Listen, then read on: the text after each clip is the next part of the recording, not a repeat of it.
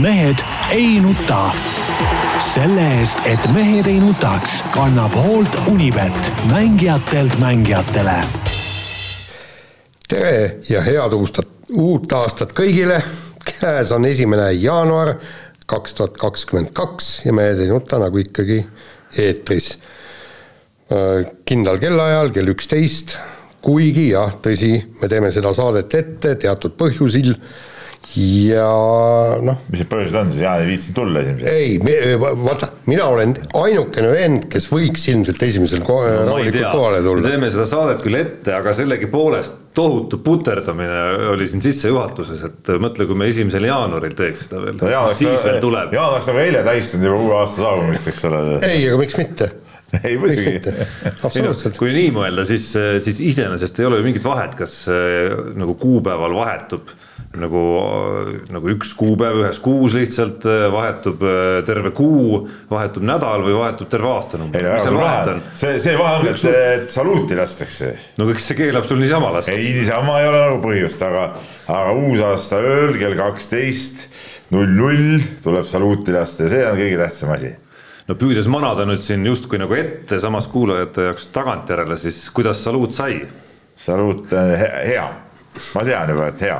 on nagu nii-öelda nagu süsteem on nagu ikkagi nagu paigas. sa leiad selle ka oma, oma mobiiltelefonist. et mis, et täpselt, mis jadas, täpselt, mis täpselt järjekorras, nii edasi, nii edasi. seal on spetsmehed, teavad täpselt, mis ja kuidas aga mis aasta kohta öelda, siis vähemalt seni on ju kõik väga hästi läinud, et ma hakkasin just mõtlema, et et väga hea aasta. spordi mõttes kindlasti. ei, üldse, tähendab ärme nüüd. mis aasta sa mõtled nüüd, kaks tuhat kakskümmend kaks või? ei. ajaks üksteist tundi vana. ei, see, mis, see, mis möödus, ma hakkasin mõtlema, et mille, millest see aasta hea, hea aasta väljendub, näiteks selles, et hommikuti ma tõusen üles, on ju, mul on kuskilt kange, kuskilt valutab, mis tähendab, et ma olen elus väga hea sügis oli, väga hea suvi oli, väga hea kevad oli, ma sain poolest märtsist olla kuni poole novembrini maakodus, leidsin kukesenekohad, jube hea krimka aasta oli, hästi palju häid krimkasid, mul on veel poolteist on lugemata parimatest krimkadest. olümpiakuld tuli spordis oli igast ägedaid asju. kusjuures oligi, et just no et päris aus olla, siis me teeme seda saadet neljapäeval ehk siis kolmekümnenda detsembri pärastlõunal.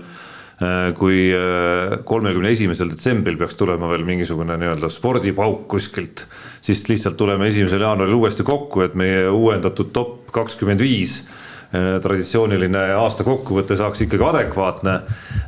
mitte nii nagu, mitte nii nagu aasta sportlase valimine, kus noh, näiteks Gregor Tsirk olekski jäänud siis kuidagimoodi mainimata, kui isegi kui medal oleks tulnud, aga siinsamas täna hommikul just toimetuse koosolekul ka juhtkirja arutelu käis, traditsioon on teha seal sellistest nagu noh, nii-öelda nagu aasta positiivsetest asjadest, tuua seal esile, mis kõik hästi on ja siis, kui sai hakatud mõtlema, siis ega kaks esimest märksõna oligi, üks oli, üks oli ilmselgelt väga palju spordiga seotud asju ja noh, teine oli ka peaaegu nagu sport, puudutas laulmist ja selline uus superstaar nagu Alika Milova, soovitan kuulata. no ta oli seal peol ka.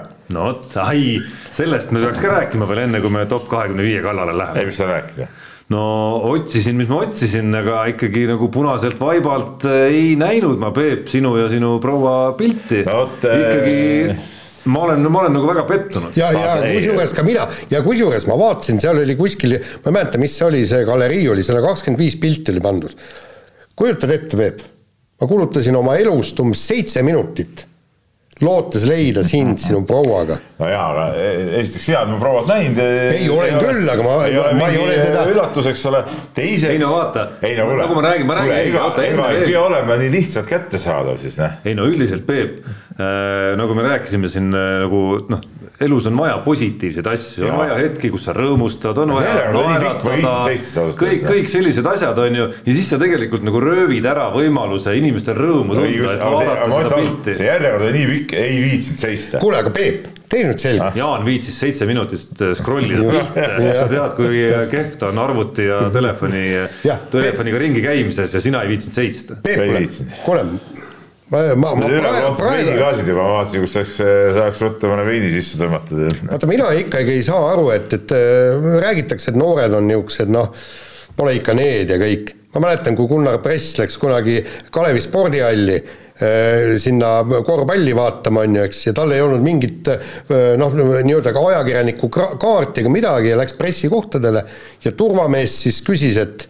et ku- kuhu te tulete, et see on ju, kohad on pressile ja siis lükkas kõhuga selle turvamehe eemale, ma olengi press õige. ja, ja istus sinna ja ma ei saa aru, tema rahulikult läks ja tegi seda, mida tema tahtis, aga sina pead järjekorras ei, ma tegin seda, mida tahtsin, ma lihtsalt jalutasin sealt mööda, läksin, läksin trepist üles, ma räägin noh.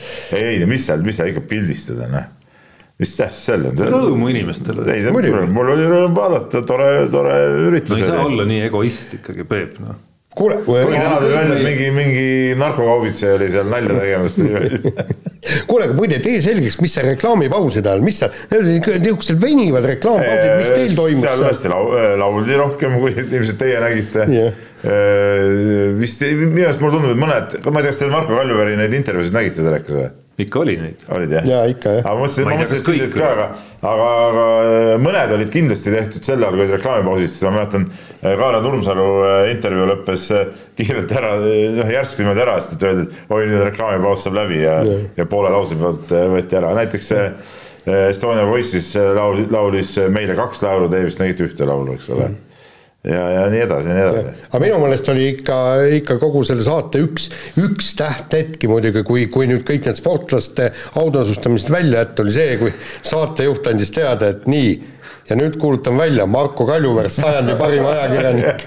ja siis Kaljuveer korraks mõtles, et ongi nii, eks ja ole., jah, et aga see hakkas kokutama ja, ja, ja siis öeldi, et okei okay,, et lähme nüüd tõsiseks ja palun tee oma intervjuu. see oli tore jah, see tore. no nii, aga täna on meil eriprogramm, Jaan. ja ei, meil on eriprogramm, meil on äh, nagu tavaliselt kolmeteistkümnendat korda, nagu ma saan ja aru. kolmeteistkümnes esimese jaanuari saade, kusjuures kui seda, kui seda kokku lugeda aastast kaks tuhat üheksa, esimesest jaanuarist oleme eetris olnud nii-öelda nagu täiendaval lisasaatena. ja kaks tuhat üheksa oli see legendaarne saunas käik seal või?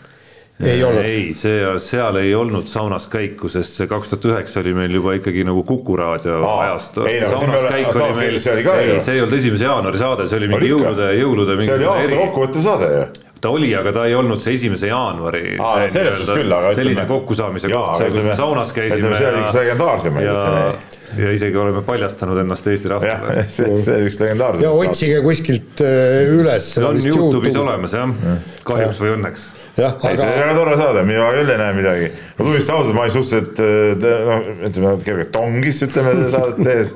ma ei varjagi seda nüüd tagantjärgi, aga no mis teha. jah, no ma ma olen tulin korvpallimeeskonna äh, jõulupuu oli eelmine õhtu olnud. Aga nii on, aga kuidagi ma sain sinna kohale ja see saate ära tegime. ütleme niimoodi, et, et tegelikult ega vist noh, vähemalt minu poolest enam samas formaadis seda saadet väga ei tee, sest algas kõik jalgpalliga Jah., lumejalgpalliga, ma ei kujuta ette, et, et siis ma olin üsna kepsakas ja suutsin seal, mis, ära tee nägusid. ei no see oli see, kas me mitte organiseerinud seda ilusat peaga väravat või? just, midagi Oli, oli. aga, aga enam ei, ei jõuaks ega suudaks No, aga no sõna kepsakas ikkagi selle kõige kirjeldamiseks äh, no ei noh, võrreldes praegusega ma olin kepsakas. ühesõnaga jah, kolmeteistkümnendat korda siis äh, võtame esimesel jaanuaril kokku eelmise aasta top kakskümmend viis absoluutse edetabeli spordisündmused, saavutused, trendid, kõik paneme ritta. algas see siis kaks tuhat üheksa sellega, et meie iseenda comeback mehed ei nuta tagasitulek äh, oli siis loomulikult aasta spordisündmus number üks ja see, kuigi see, see, see võib olla ka tegelikult sajandi spordisündmus, jah, no see ongi see ongi, See ongi, jah. praeguseks hetkeks on ta sajandi. jah. ja võib-olla midagi tuleb veel, aga no võib-olla, võib-olla võib-olla teine koht siiski, et esimene koht on äh, saate sünd iseenesest no see taga muidugi, jah. ja sealt on siis läinud Tanel Tein, Kaar Sillal, Andrus Veerpalu, dopinguskandaal, Andres Sõber, kes lõpetas Aivar Kuusma piinad. vaata, kus on ikka aastad läinud ja, ja sündmused, mis, mis on läbi käinud siit, et äh, Eesti spordi süsteemne hävitamine ehk siis huvialaringide toetuste ja stipendiumide keelamine, Eesti põrumine Sotši olümpial, kunagi toimus seal olümpia ka veel, mäletate käisime käisime Jaaniga kohal seal seda põrumist otse siis, vaatamas. siis algas Ott Tänaku ajastu, kõigepealt Tänak Mehhiko järves, siis Tänak tagasi MM-sarjas ja siis Tänaku läbimurre rallimaailma tippu. Team Estonia sümboolne käivitumine, Seefeldi dopinguskandaal ja WRC ralli toimumine. selline rida on siin. kuule muide, Sotši olümpiast on kõige eredamalt meeles oli ikkagi Neinar Seli, äh, toonane EOK president, mäletad, kui ta restorani kutsus. Ja me nõudsime kahte asja, üks, üks oli see, oota, mis viin see oli, see äh... tead, ma ei mäleta, ma ei mäleta mis marki mida me võtsime? mul nii täpselt mälu ei ole. ja, ja musta kalamarja ja kõik oli. no aga miks ka mitte. ja ei aa, Belu-, äh, kas see oli Beluga, ei, Belu-, Beluga viina jah, jah, ja, ja, ja, ja see oli ja tegelikult kujutad ette, meil on kamp Eesti sportlasi, kõik teevad ja sulle jääb ainult see meelde, kuidas sa jõid viina Beluga või selle musta kalamarjaga. Ka mitte. jah, aga ma loodan, et, et härra Sõõrumaa nüüd siis äh, Äh, siis seal Pekingi olümpial siis üritab ei, või, või, või ma arvan, et seda ei tule, ma tuletasin meelde, ka Tokyos jäi ju ajakirjanike pidu ära, sest seda ei saanud teha. ei no jaa, aga no okei okay,, pidu ei pea olema, aga meile võib ju kuskilt aia vahelt või üle ukse anda no, kätte beluga ja, ja kalamarja ju, miks mitte. lifti kuskile ja. jaa, no mingi vana mingisugune pomps kuskil aia vahel, seal mokad lahti, ootab, millal kalamarja suhu pistetakse. kuule, aga sealsamas Sotšis oli vist see, et kui sealtsamast aia vahelt ikkagi no tähendab, need delegatsioonid ju tassisid sisse nii no. joovastavaid jooke ja muud head paremat no,. Sotšis tassiti üldse igasuguseid asju nii lae vahelt, eh, ventilatsioonišahtidest, nagu hiljem on selgunud, kui ka kust iganes veel. see on provokatsioon. on praegu, see, mis ma ütlesin. ei, seda me ei tea, kas see üldse oli. et, et kas tegelikult oli? okei nii, aga kütame siis äh, oma top kahekümne viiega minema ja kahekümne viiendal kohal on äh, FCI Levadia ja äh, FC Flora lumine lõpuheitlus Eesti meistritiitlile ja lumejalgpallis suutis ikkagi Levadia Florast üle olla, kusjuures eelmine mäng just oli mõned päevad tagasi kaotatud ikka hävitavalt. ma siiski täpsustan, lumejalgpallis jäädi viiki, aga hooaja kokkuvõttes oli Levadia Florast üle. Jah see mäng jäi ju viiki. ja ei, selles mõttes küll jah, aga, aga. aga ei, no see oli äh, nagu siin varem ka oleme öelnud, et see oli nagu parim asi, mis Eesti jalgpallile sai juhtuda, et sihuke finaalmäng oli. ja tegelikult üldse jalgpall on selles mõttes nagu, nagu äh, äkki võiks ikka minna seda teed, et äh, minna ikkagi ka nagu play-off'ide peale. ühest mängust selline päris valus värk oleks. no teisalt võib ju ka seeria juba olla, siis milleks raisata.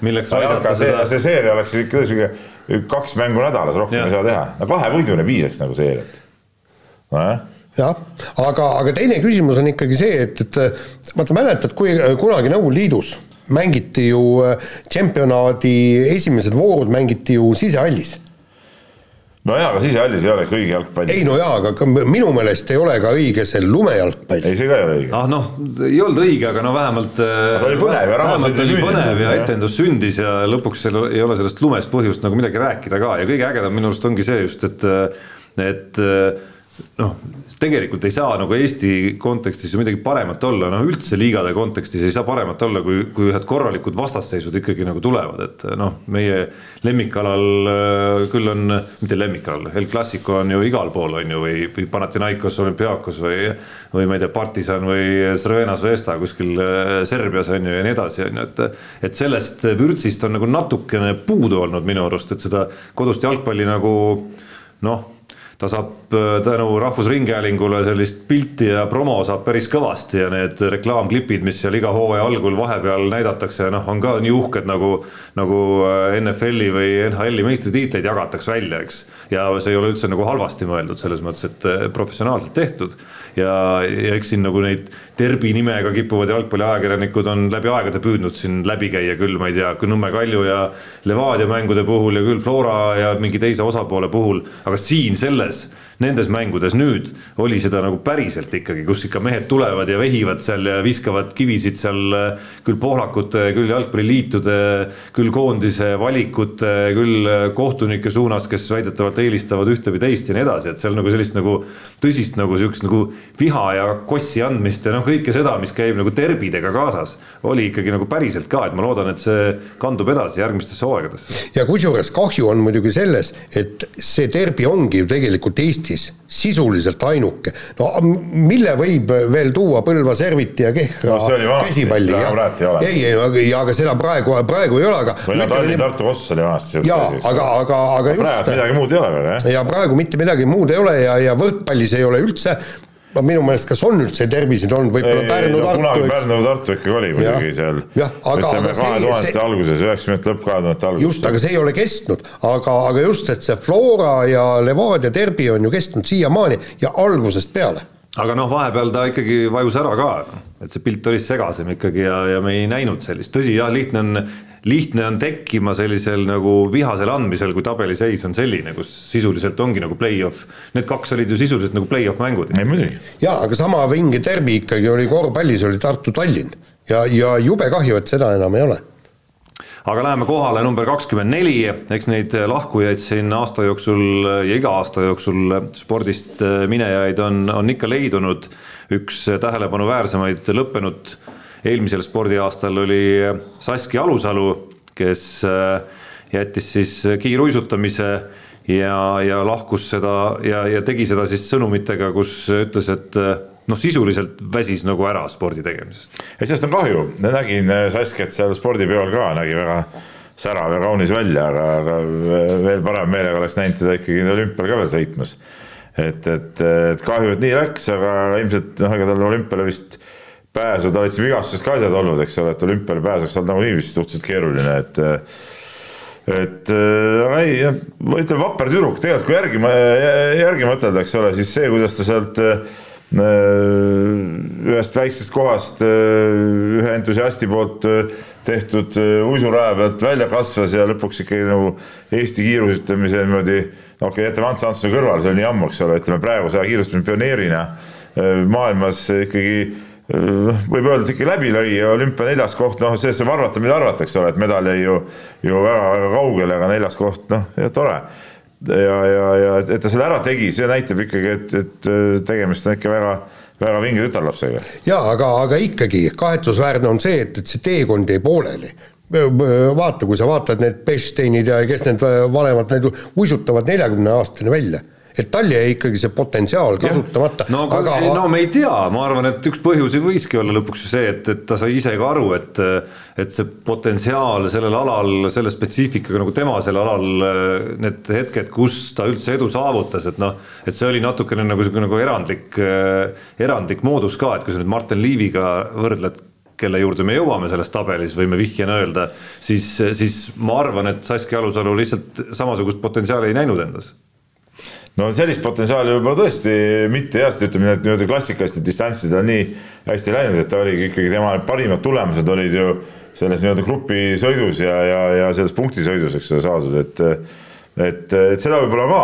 aga aga ma arvan, et eh, meil oleks olnud tore vaadata teda isegi sedasi võistlemist, kui ta oleks seal maailma noh, ma ei tea, kas või esikümne piirile ennast uisutanud ja oleks, oleks ka väga kõva asi olnud. aga no samas sise, kui sisemist motivatsiooni enam ei ole, siis, siis ei ole, no ega see vägisi ei saa neid asju teha, aga no kahju ikka. ja aga, aga jällegi äh, häirib veidikene võib-olla see, milliste sõnumitega ta äh, välja tuli, et, et ta tahab nüüd biorobotist inimeseks taas saada, äh, andes sellega nii-öelda vihje, et, et kogu see spordi, tippspordi seltskond Äh, on nagu biorobotid ja see ei ole nagu normaalne, et nüüd ma tahan inimeseks saada, aga kõik see tippsport ei ole inimesed. no äh, ega see, mida nad teevad seal, eriti kestvusaladel, see on ikka nagu inimlikkusest päris kaugel no. ongi, no, ongi. nagu koormuste ja kõige selle mõttes. selles suhtes see sõnum, ma ütlen ka, ei olnud nagu kõige parem võib-olla et, et äh, see peletab lihtsalt ka noori spordist eemale mõnes mõttes. Jah, ja, ja, ja tegelikult ma tegin ju intervjuu ju Rein Taaramäega Äh, kes siis ütles, et jah, ja ongi, ongi teatud määral ongi piir äh, biorobotid, aga ta ütles, et ta on selle rutiiniga harjunud ja ta ütles, et sealt väljatulek võtaks kaks-kolm-neli aastat aega sellepärast, et ta noh, paratamatult ongi niimoodi, sa pead ikkagi bioloogiliselt, ma ei räägi, ma, ma ei räägi praegu dopingust, aga sa pead endale sisuliselt kõik legaalsed asjad sisse süstima, sööma, panema selleks, et, et suuta maailma tippudega võrdselt sõita aga ja, kõik, kõik, kõik need toidulisandid ja kõik, kõik, kõik need muud asjad. ei no üks asi on see, ega no bioroboti sõna saab seda saab nagu mõtestada erinevalt, aga mina mõtestan seda ka niimoodi, et noh, kõik see kõik see nii-öelda koormuste pool, see treeningmahtude pool, kogu see tsükkel, kus sa elad nagu aastast aastasse, noh, see ei ole ka tegelikult ju nagu ütleme, inimkeha ei ole päris selliseks võib-olla nagu loodud siiski olema, et seal testitakse neid inimkeha piire ju, ju igas no, mõttes. seda küll, aga, aga vaata, palju tippsportlased seda teevad. ja selle, selle lausega Saskia Alusalu ütles, et noh, tema jaoks see rohkem lihtsalt ei sobinud, on ju, ja ega need, kes seda, selle tee valivad, peavadki üsna varakult enda jaoks selgeks tegema, kas neile see tee sobib või mitte. jah, aga, aga, aga siinkohal äh, ta oleks ju võinud selle lausekese sisse öelda, ma hindan ja austan kõiki neid inimesi, kes seda sporditööd teevad ja maailmale rõõmu pakuvad pakuvad, aga mina ei suutnud seda teha ei tea, see on nagu valesti, et ta rõõmu suutis muidugi ikkagi pakkuda, aga, aga nüüd ei, ütleme, ütleme sel hetkel tundis, et ta rohkem ei suuda seda teha. jah, aga, aga, aga anna au ja kiida neid ja. inimesi, kes seda suudavad teha. Aga enne, kui sa, Peep, ütled järgmise koha, ma siis ei saa, see, see, tõid ise mängu selle Saskia nägemise seal spordigalal, et et üks esimesi nupukesi, mis ma nägin sealt spordigalalt, oli meie enda Kroonika veebist, tead küll, meelelahutus äh, igasugu ürituste nagu üks tavapärane žanr on ikkagi see, et keegi kuulus inimene tuleb, toob oma kaaslase nii, nii-öelda nagu rahva ette. nii, andsid intervjuu seal Kroonikale? ei no siin on näed, foto Saskia Alusalu ja tema ettevõtjast elukaaslane ilmusid esimest korda seltskonda ja vot see oli nüüd see, mida ma ootasin, et Kroonika saaks nii-öelda nagu Peep Pahvist ka selle uudise ikkagi nagu ära teha eile. ei, ma Saskat nägin suht varakult seal paari leti ääres. ma tõin jälle ja, ja, tagasi. ma ei teadnudki, et, et tema äh, peigmehe või, või kuidas me ütleme äh,, seltskonda tulek nii suur sündmus on, muidu ma oleks siis kuidagi seda nagu äh, jäädvustanud, me, me teletasime, aga, aga pikemat juttu ei jäänud seal rääkima. Koonika oleks pidanud tegema, pealkirjastama. legendaarne Peep Pahv ilmus lõpuks oma prouaga. esitles põhimõtteliselt. esitles proua. mis mõttes esitles? no vot. sa pole kunagi kuskil peidus olnud ju. no, no Kroonikas oled olnud või? ei, ma ei, mis, mis kuradi kroonika no,, lähme edasi. nii, koht kakskümmend kolm ja ütleme fiasko Eesti võrkpallikoondis jäi kodusel EM-finaalturniiril äh, alagrupis äh, edasipääsuta, ütleme, see oli põrumine. see oli, see oli, tähendab äh, üritus ise, et äh, sihuke üritus Tallinnas toimus, oli muidugi suurepärane, saalis käis kõva möll ja kõik äh, äge, aga tulemust ei tulnud ja ütleme, et latt kukkus kolinal alla. ja, ja kusjuures seda võib isegi pidada äh, selle spordiaasta üheks kõige suuremaks põrumiseks ja. ja just eelkõige sellepärast, kellelt me tappa saime?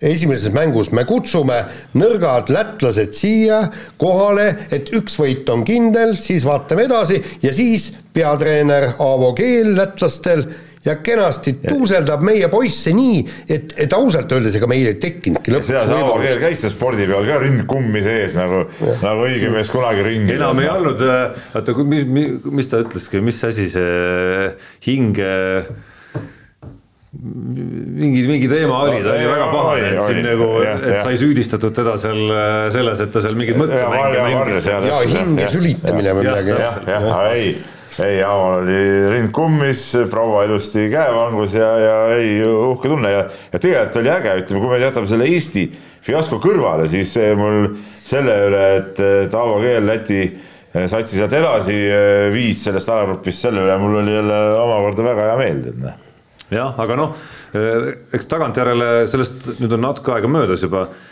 lõpuks oli siin nagu omajagu nagu ei saaks öelda, et see, et see nagu nii suur üllatuspomm oleks olnud, et see niimoodi läks. see oli nagu, fiasko ikkagi. see oli fiasko, aga noh, olukorras, kus eh, Gert Toobalit ei olnud, Robert Täht oli vigane noh, ega seal, seal oli nagu, seal oli nagu seda haavatavust selles meeskonnas sisse kodeeritud ja omajagu niigi. ei, on tore, aga, aga noh, selge see, et ma arvan, et, et kõik nad arvasid või lootsid, et lähevad sealt edasi. Noh. ja, ja tegelikult noh, nagu takkajärgi öelnud, nagu asjatundjad räägivad, kas selle satsiga oleks pidanud ikkagi lätlastele ära panema ja kas selle satsiga oleks tegelikult pidanud ennast alagrupist edasi vedama kas kaheksa hulka, eks kõik lootsid ju, kõik räägivad, lõpuks jõuame veerandfinaali kõik, aga seal oli ikkagi tegelikult äh, treeneri fopaasid äh, küll ja veel, nii et, et et, et see, see asi ei ole ikkagi niivõrd lihtne.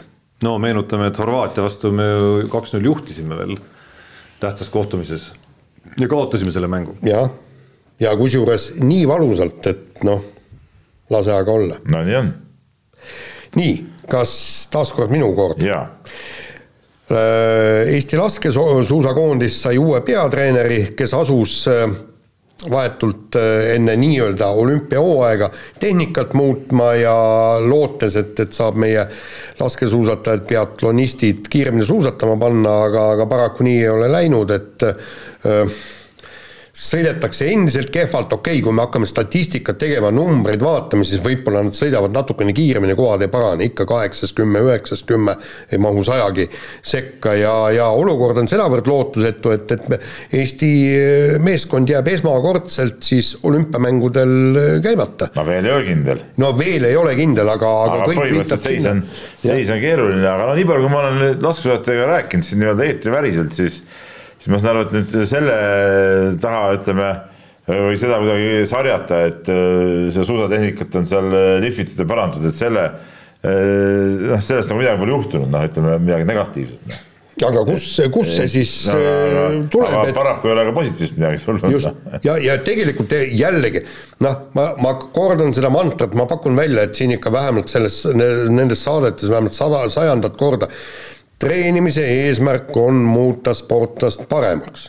ja kui sportlane teeb tõsiselt trenni ja teeb õigesti trenni ja muutub kehvemaks, no nii ei saa olla noh, selles mõttes saab olla, kui tehakse kas äh, valesid asju või, või ja. tehakse liiga vähe võrreldes teistega. no ei, aga vot siis ongi, järelikult vot seal on põhjus, kuskil seal on põhjus, aga, aga tegelikult noh, noh, loota iseenesest, et äh, hakkame kohendama suusatehnikat sportlastel, kes ei ole enam mingid juuniorid, vaid on, vaid on suusatanud ikkagi siin juba nagu päris tükk aega oma karjääris. et loota, et äh, hakates kohendama suusatehnikat ja siis loetud kuudega toimub mingi muutus, see ei käi ju nii. ma kujutan ette, kui sa hakkaksid seal mõnel välja kujunenud korvpalluril visketehnikat muutma, et see, see samamoodi ei juhtu, juhtu kuudega mitte midagi. jaa, aga noh Äh, ma räägin, et äh, sport ise on rääkinud, et noh, tegelikult äh, need asjad on kõik õiged, mis seal tehakse, noh.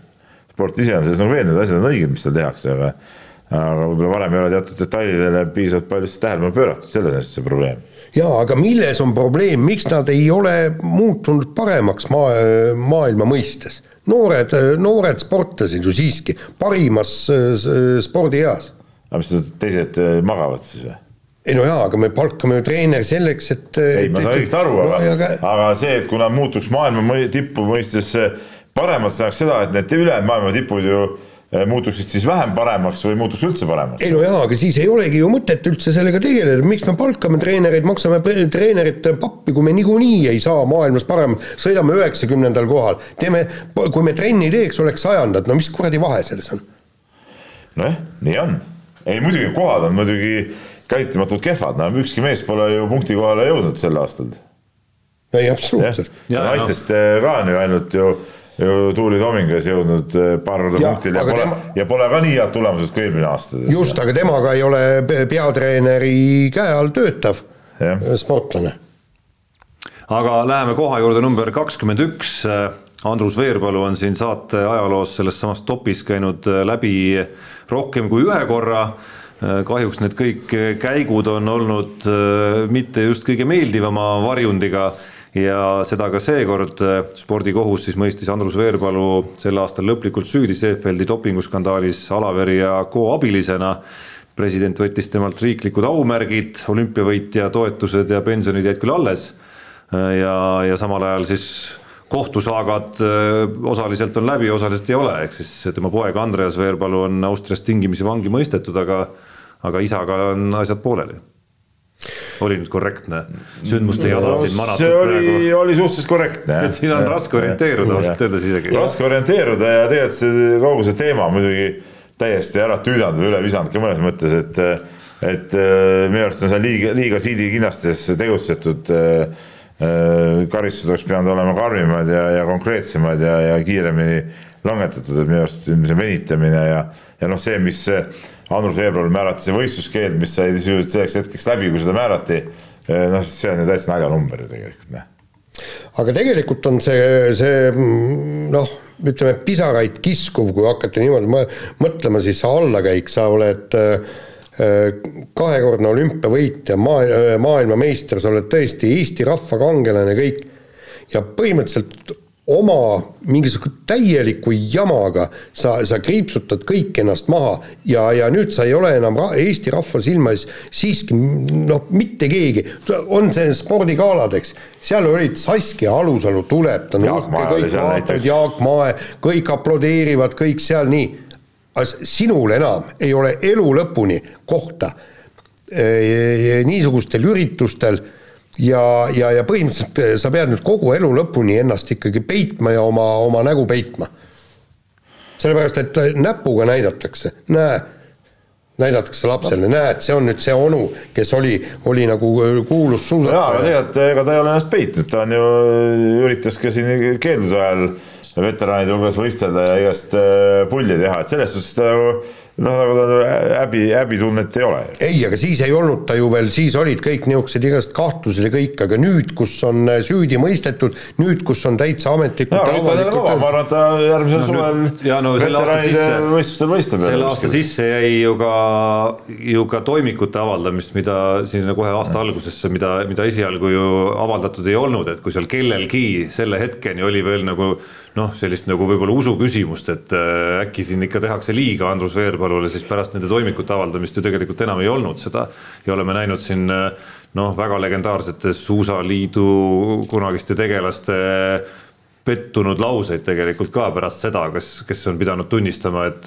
et nii-öelda lasid ennast kas ära lollitada või, või, või et nagu tõesti uskusid, aga nagu nüüd enam ei usu, on ju. et äh, et äh, see on ka see, mis on juhtunud sellel aastal, et, äh, et kõik need karistused karistuseks, aga, aga nagu asi on nüüd laotatud nagu laiali nagu täielikult ja, ja ühest küljest võiks ju öelda ikkagi, et ega see ei peaks tähendama, et inimene nagu kuskil pagunduses peaks elama elu lõpuni.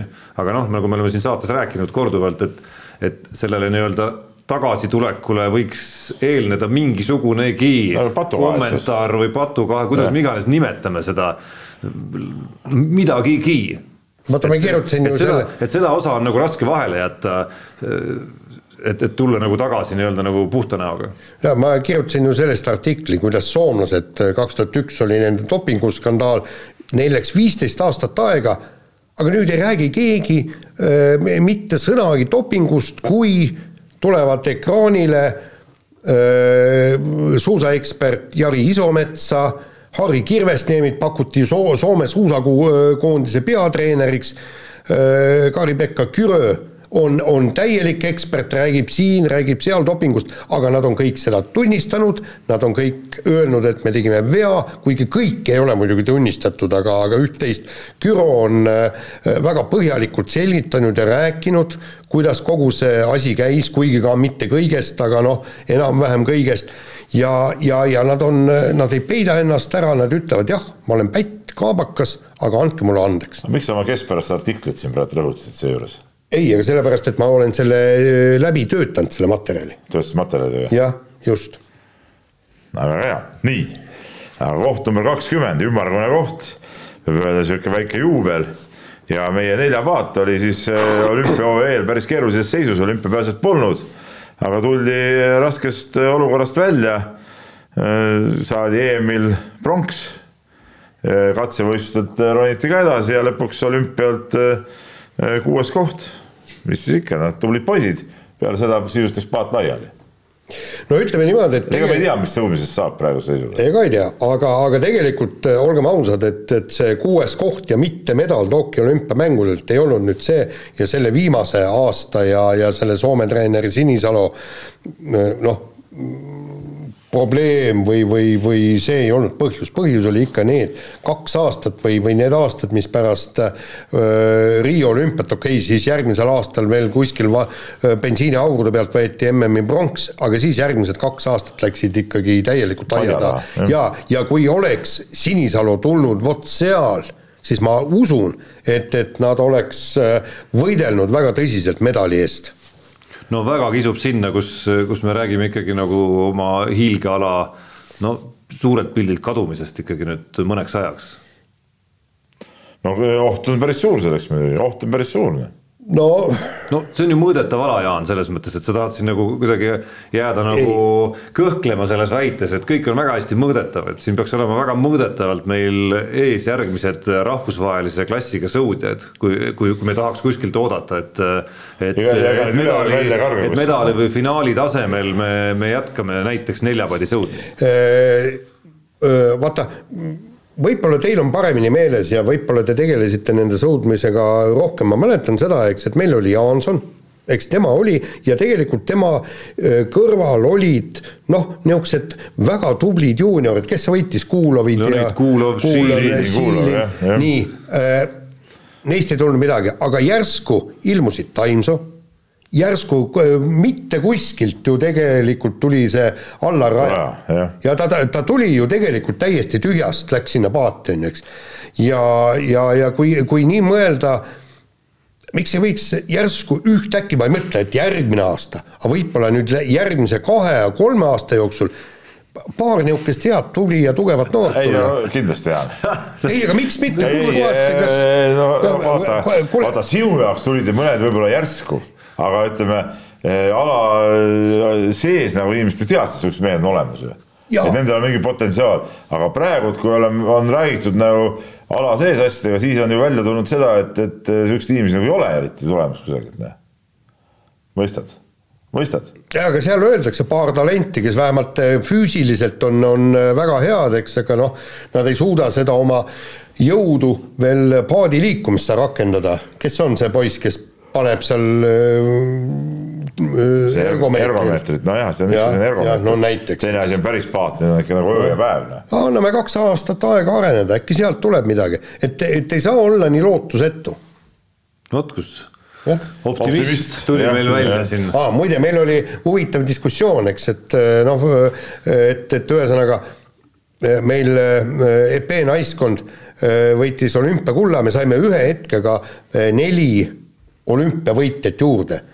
ja mis siis nüüd järgmine aste oleks ja siis Tarmo pakkus äh, välja, eks, et et korvpallikoondis tuleb olümpiavõitjaks. nii, aga siis küsisin mina, et, et kumb on äh, loogilisem, kumb võiks enne võita olümpiamängud, kas Eesti kaheksapaat või korvpallikoondis? ei no selles ja. suhtes ma tean seda, et korvpalliliidu inimesed igatahes juba näevad seda korvpallikoondise olümpiavõitu ette.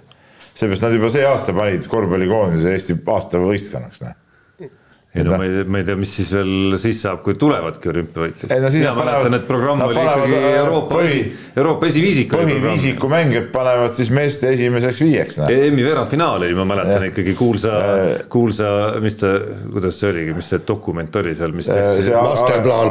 masterplaan spordi, lahkunud, lahkunud spordidirektori masterplaan. kuulge, halloo noh, no Keijo Kuvi või ma ei tea, kes seda ankeeti täitis, noh no ilmselgelt oli, oli seal äh, korvpalliliidu kontoris, kas juba pudelid avatud või midagi oli seal äh, mingeid joovastavaid äh, jooke või aurusid oli nagu üleval, sest et noh, panna esimeseks korvpallikoondis, teiseks Kalev Cramo ja kolmandaks vehklemisnaiskond, no see, selle peale annab ikka tulla ausalt öeldes. Huvitav, hiljuti mõned nädalad tagasi sai seal käidud, aga siis nad küll varjasid neid jooke varjasid minu eest neid jooke. vaata, seal on nii, et kui nad teavad, et keegi tuleb no siis nad hoiavad ennast tagasi, enne ei hakka võtma, nii kui ära lõikavad, käib lahti ja, ja, ja, ja läheb kohe, et noh, et no muud, muud varianti ma nagu ei näe, et mis seal saab olla. nii, aga võtame järgmise teema ja räägime Magnus Kirdist, kes oli Tokyo olümpiamängudest sunnitud loobuma, kuna Doha maailmameistrivõistlustel viskas oma öö, käe õlaliigesest välja ja, ja pole siiamaani ikkagi sisuliselt, tähendab, ta ei ole ühtegi võistlust teinud see on äh, fakt, aga, aga me, me keegi ei tea, äh, kas ta on üldse odavisand ja no, täiega, just, jala, jalavigastused, kõik, kõik, kõik muud, eks, aga, aga, aga kellelgi ei ole tegelikult siiski mingit infot ja ega me ei tea, kuivõrd, kas ta üldse karjäär lõpeb. ainuke asi, mida me Magnus Kirdist äh, näeme või teame, on ilusad fotod kauni kaasaga, lätlannaga, eks ole. et, et, et seda me teame, et nad nagu on koos nagu teevad nagu trenni ka. kroonika austaja. teevad, ei, vaata, vaata, meil on see sporditoimetuse see Instagram, noh. ja siis eh, mõnikord, kuna mul omal Instagrami ei ole, eks ole, aga see mul see sporditoimetuse oma on telefoni pandud, selleks, et kontrollida, mida meie noored kolleegid teevad ja toimetavad seal, kuidas asi käib. nii, siis ma aeg-ajalt pean seda vaatama ja siis ma näen sealt ju, sealt jooksevad nagu ette need pildid. ilusad pildid ja no, piltide põhjal ma ütlen nii, et äh, Magnus Kirt on väga heas vormis. Aga nüüd ongi huvitav see, et kas ta odaga visata saab, et, et et see on nagu ütleme alanud äh, aasta või kaks tuhat kakskümmend kaks aasta üks huvitavamaid küsimusi, tulemas on ju väga põnev kergejõustiku aasta, kus ühe, ühe suve jooksul on nii EM kui MM, et väga-väga põnev. aga see on nüüd tõesti selline küsimus, äh, kus ei ole mõtet vist, ütleme, kui ma kiusasin viimases saates teid äh, küsimustega Ott Tänaku kohta ja selle kohta, kuidas talle võiks hübriidajamiga auto ja kõik see, mismoodi sõitmine seal muutub, sobida et, et kui seal on nagu ma usun, nagu mingitel spetsialistidel veel mingi aimdus võiks olla, siis, siis antud juhul nagu see, et, et mis seisus on Magnus Kirt, ma ei kujuta ette. hea on see, et Tarmo, sa ise ka oled kiuslik inimene on, on tegelikult, ta vaata jätab siukse paipoisi mulje, tead, ta on paras ussipurikas tegelikult. aga muide, täna lugesin just äh, Jari-Mati Latval intervjuud ja just selle äh, nii-öelda hübriidauto kohta äh, esitati küsimus, ta ütleb jah, et, et seal on, probleem on selles, et ta nõuab järsku pidurdamist, mida paljud vana kooli võidusõitjad eh, ei ole nii-öelda õppinud ja pole seda teinud ja ütles, sellepärast noortel on lihtsam eh, sellega kohaneda, et, et noh, et siis ta laeb selle hübriidi täis. aga noh, Ott Tänakut me teame küll, et pigem niisuguse sujuva pidurdusena. aga, aga mis nüüd Kirti puutub no minu meelest kaks võimalust, kas ta sel-. kas viskab oda kaugele või kas viskab kaugele või mitte. Jaanas on muidugi tuline õigus, see härra kergejõustikuspetsialist ole valmis kuulma tunde ja tunde. ei, ma lihtsalt ütlen, kui sel aastal tulemust ei tule, on kõik, karjäär läbi. see noh, ma, ma, ma ei usu, et ta suudab veel selle aasta ka nagu kuskil nii-öelda areneda ja tervist parandada kõik. tuleb või siis on kõik kriips peal. Ei no räägi veel. jah. ei, kas äh, ei ole nii või? ei kui sa nii ütled, noh. nojah. me väga, väga huviga kuulasime lihtsalt seda. nojah. Läheme koha juurde number kaheksateist, Martin Liiv äh, viimase tosina aasta parim Eesti talispordimees tuleb välja, kiiruisutamise MM-i tuhande meetri distantsi viies koht on ka sügisel või, või nüüd sellel uuel talvel MK-etappidel näidanud, et et poodiumi koht parimatel võistlustel sellel distantsil ei ole just väga kaugel. ja, ja, ja tuleb vist tõesti öelda, et jättes Kelly Sildaru välja, siis, siis meie justkui nagu klassikaline talisportlane number üks hetkel või ütlesin, et sa Kristjan Ilvesega seal võitlevad. no jaa, aga te.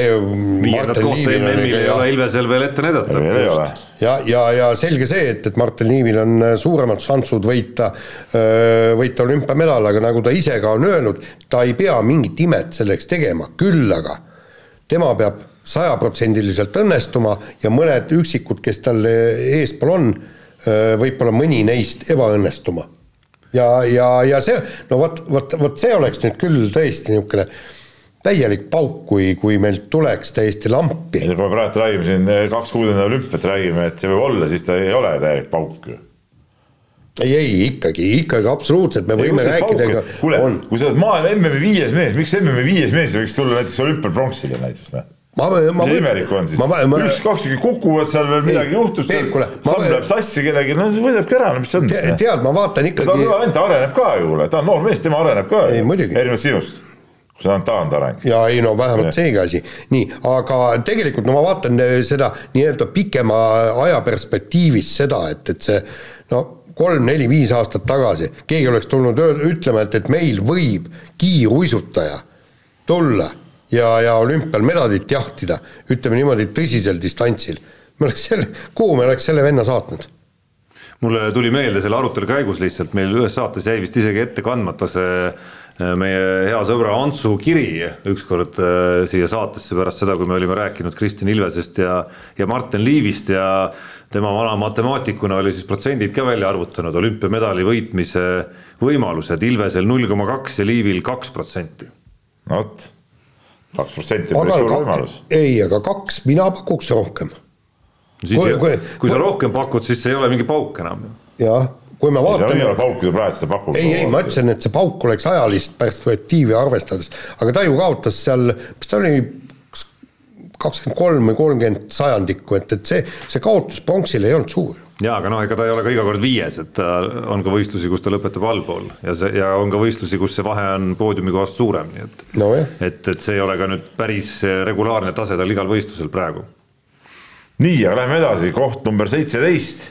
Ja talispordi juures püsime, Robert Rooba läks siis eh, Soome meistriliigast eh, vägeva kolinaga KHL-i, on siis ütleme Euroopa kõige kõvemasse hokiliigasse, maailma tugevast teisesse liigasse ja, ja seal kanda kinnitanud, lõi kohe esimeses mängus värava, võib-olla väravat pole nii palju tulnud, kui me harjusime Soome liigas nägema, aga aga mängis päris tublisti kuni nüüd viimase ajani, nüüd viimasel ajal on natuke tekkinud teatud probleemid seal, ei ole nagu treeneriga päris ühte, ühte keelt vist eh, leidnud ja on isegi siin on nagu mõned mängud kõrvale jäetud, aga, aga, aga tervikuna see, et, et Robert sinna läks ja ja tegelikult ütleme, kui ta on mängida saanud, siis mänguminutid on soliidsed, see on, see on väga kõva asi, väga kõva asi ja just see, et, et hokimees, Eesti ei ole ju kummalisel kombel ei ole hokiriik.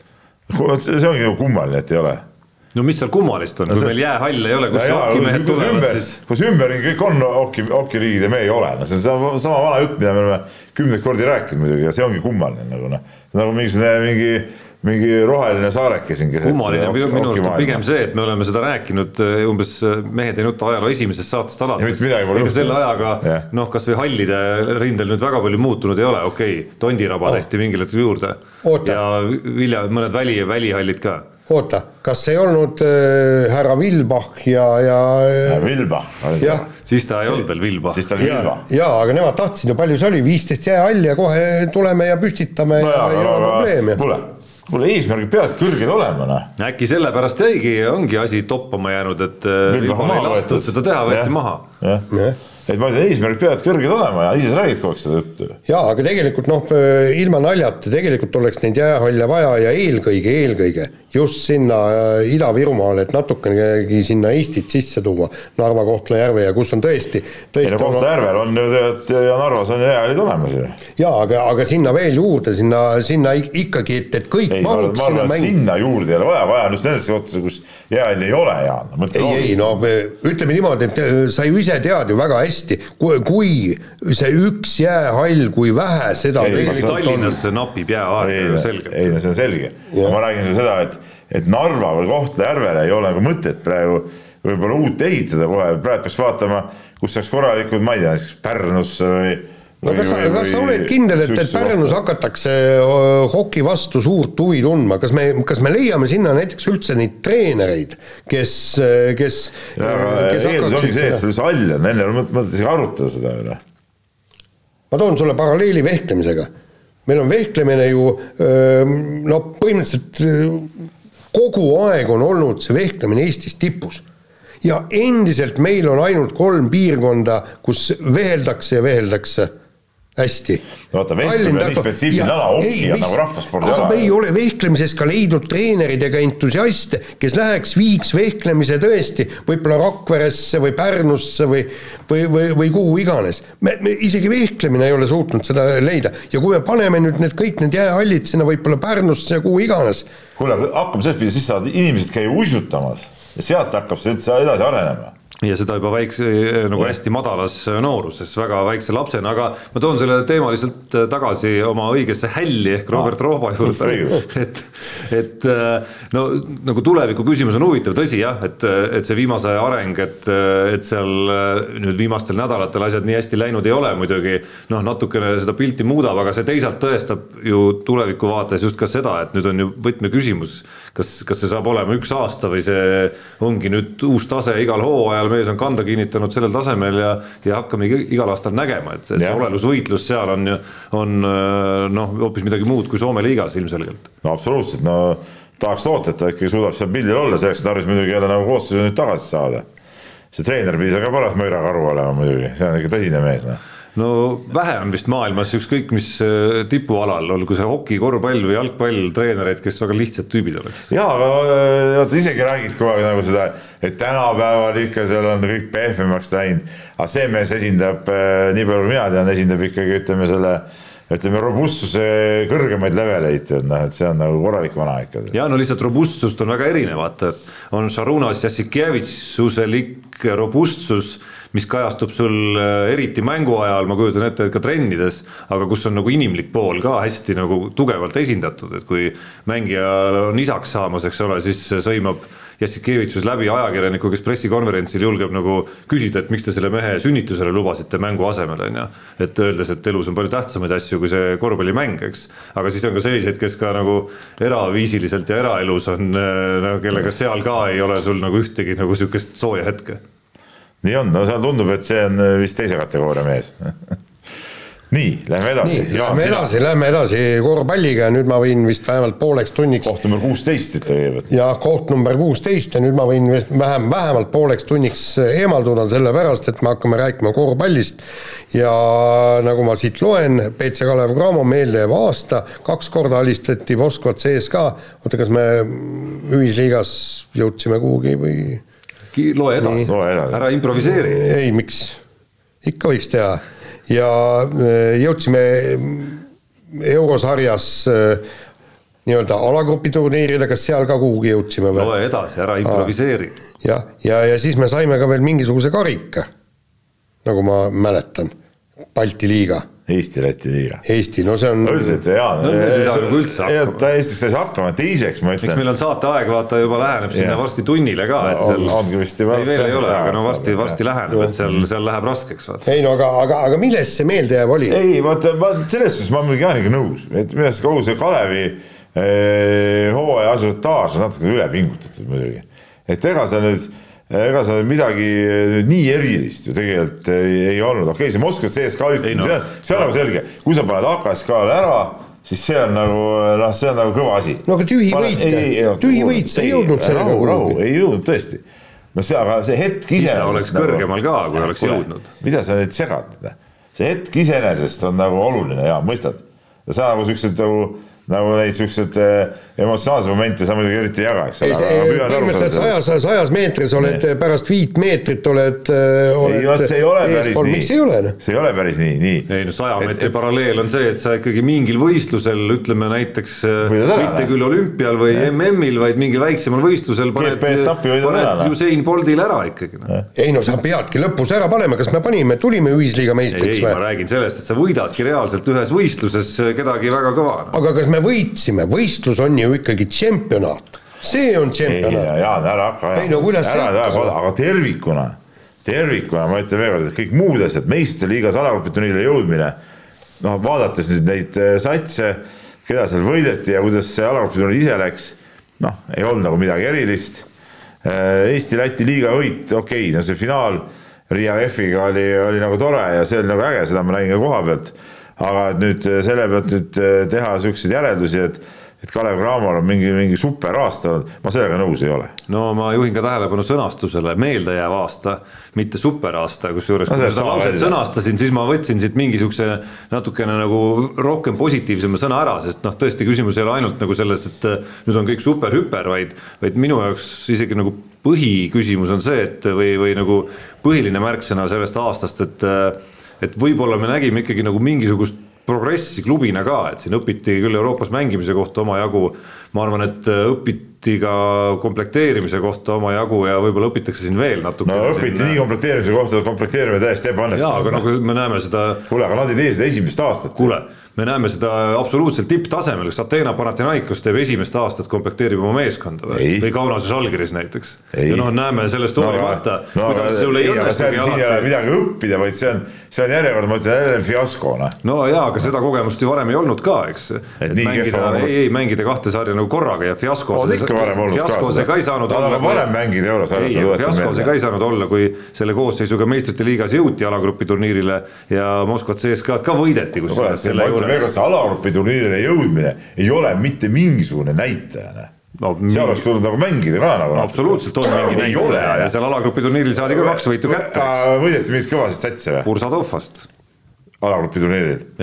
ei, seal eel selles ringis ma ütlen. ei, ma räägin nagu alagrupi no, turniiril endal. no aga need ei andnud mitte midagi ju, viimane no. koht oli ikka ju. no aga võideti. noh, no mis siis? noh, täpselt sama ma ütlen ka HKS ka võitmise kohta, no mis siis, kui võitsime ei no see on nagu teine asi, AKSK, AKS, ei, see vahe on, et AKSK võitmine on sümboolne, see on sümbol, mõistad? see on sümbol. Noh. sina, vanamees, peaks sellest aru saama. Ja tema just ei saa aru, sest et tema mäletab, et juba üheksakümne, mis aastal võideti Kuule. kogu aeg CSKA. ei Ei no noh. kogu aeg ei võidetud, need mõned üksikud üheksakümmend üks võideti, Kuusma pani neljakümnese ja, ja, ja, ja lõpuks tuldi Nõuliidu meistriks, ja noh. nüüd oligi see nüüd nagu jälle võideti, eks ole, see on nagu tore no noh. aga kas me tulime siis tšempioniks või ei tulnud? okei okay,, võtame viieteistkümnenda koha. ja lihtsalt need ja et mitte kauaks kinni jääda, need progressi märgid minu jaoks on just nagu seesama Euroopasse minek, ma loodan väga, et sinna jäädakse ka nagu põhimõtte pärast ja, ja ma loodan väga, et siit- nagu elu näitas, need Euroopa mängud ei huvitanud mitte ja kedagi kahjuks. ja aga kas ma arvan, et see asi ei olnud nagu Euroopas, ega VTB mängudel rohkem rahvast siis ei ole. No ei ole jah, CSKA mäng võib-olla välja no arvatud. korvpall üldse eriti et no ei no siin on, ma ei tea, kas see on korvpallis ainult küsimus, et. miks ei ole et noh, me no aga, me ei hakka aga võta FC Flora jalka kogus palju rohkem. jaa, aga no me ei hakka seda vaidlust uuesti pidama siin, aga, aga võib-olla ongi asi just selles, et, et kui seal Kalevi satsis mängiks nii-öelda üks korvpalli Rauno Sappinen ja mõni veel võib-olla, siis oleks ka seda publikut rohkem seal, et et ma väga loodan, et seda, et me näeme nagu sellist pilti rohkem Kalev Cramos, võib-olla juba sel hooajal.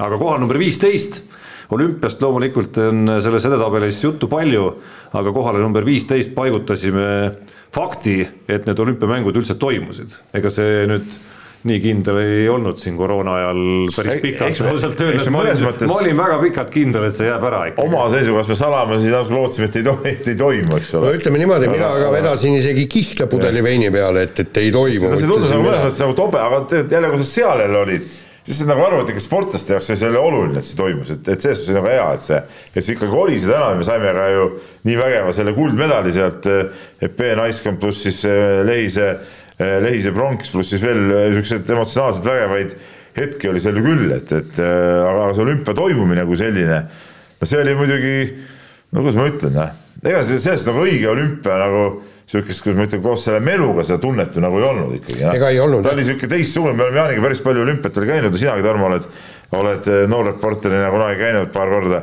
et, et äh, ta ei olnud ikka päris see nagu, nagu võib-olla me oleme harjunud olümpiatel nägema. no põhimõtteliselt, kui publikut ei ole, vot ma ei, öelge, kuidas, kuidas telekas see välja paistis. vaata, meie oleme seal nagu selles kuidagi melu sees, näiteks võtame selle vehklemise, sa oled tead niivõrd keskendunud selle vehklemise peale, sa nagu see, seda publikut nagu ei kuule ega midagi ja see, kus meie oleme, eks me oleme seal mm, ajakirjanike tribüün, seal ikkagi mingisugune melu on ja seal Jah. ikka väikest õis-, hõiskamist, aga kuidas on telekast vaadata ilma publikuta? No sõltub alast ka väga palju, et äh, noh, ütleme pallimängud on ala, kus kuidagi ilma, mis ilma publikuta näevad nagu kuidagi eriti hapud välja. Iga ketsikrigin on kuidagi, kuidagi nagu kergejõustiku-areenil, kus, kus noh, neid nagu täisstaadione nagunii väga tihti ei ole, on ju selliseid korralikke siis, siis seal võib-olla seda vahet nagu nii palju ei ole. tegelikult just, aga koha peal, koha peal hakkas see publiku kuulumine staadionis just eriti. sinna ma tahtsingi jõuda, et ma ise pakun, et see on see, mis nagu koha peal, kus koha peal on nagu väga suur vahe, sest nendelt olümpiatelt, kus ma ise olen käinud,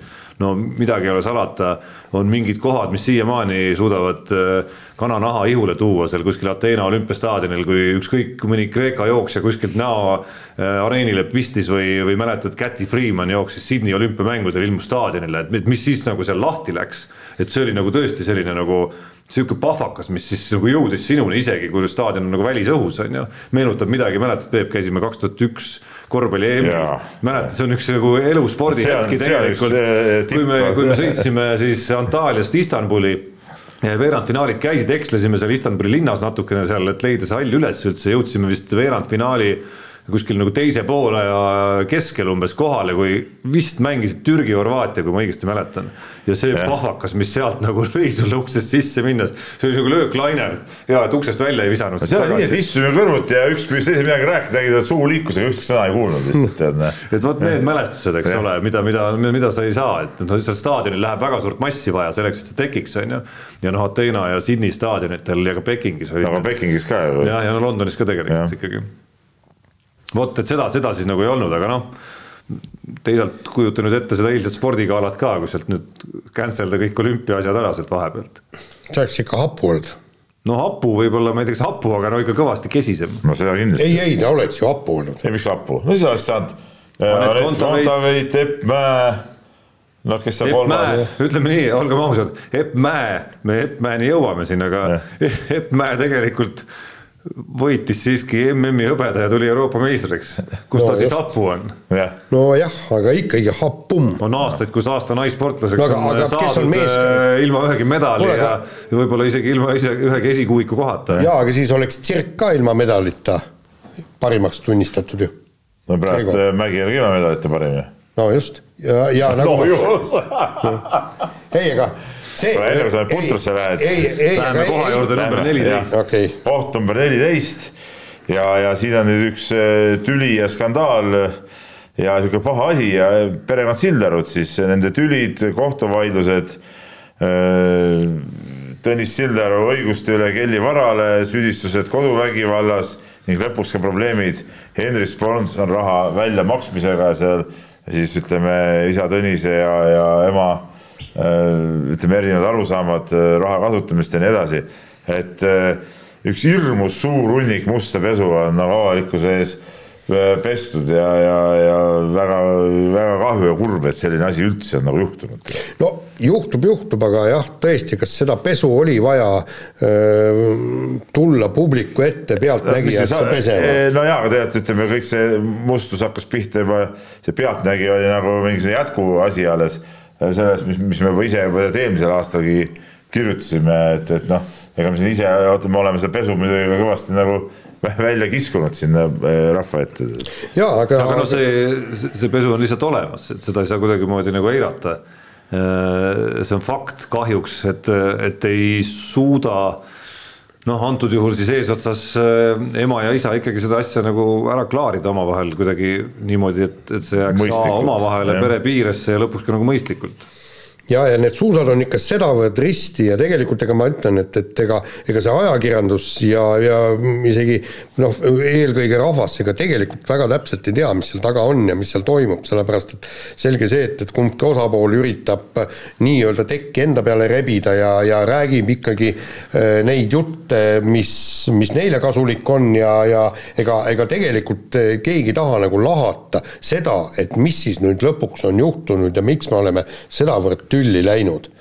Ja, ja, ja, ja selle, sellepärast ongi, et me võime siin kirjutada igasuguseid artikleid ja värke-särke ja Pealtnägijas on see ja Pealtnägijas too, ega seal ongi ju Tõ- Tõnis Sildaru tema Pealtnägijasse läinud ja sai siis kogu selle sopa kaela, eks.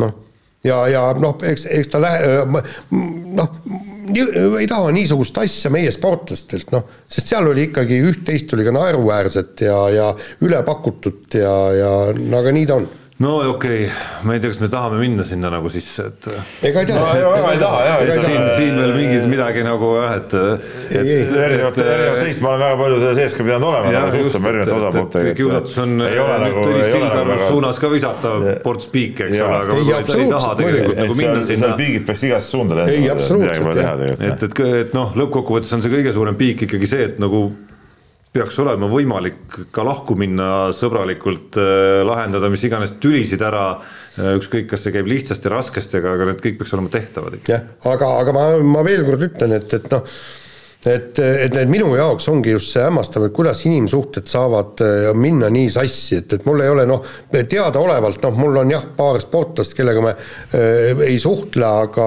aga no meil ei ole ju te, teineteise pihta mingit sopaloopimist ega mitte midagi. et ma, ma olen siiamaani suutnud kõikide inimestega, kuigi me oleme ka tülis olnud, eks me oleme suutnud ära klattida, kuule davai, et näed, ma, mina eksisin või kuule, ole hea mees, et, et ära nii käitu ja, ja alati saab, et see on minu jaoks kummaline. nii, kas mina pean jälle Jah. lugema või? koht on mis?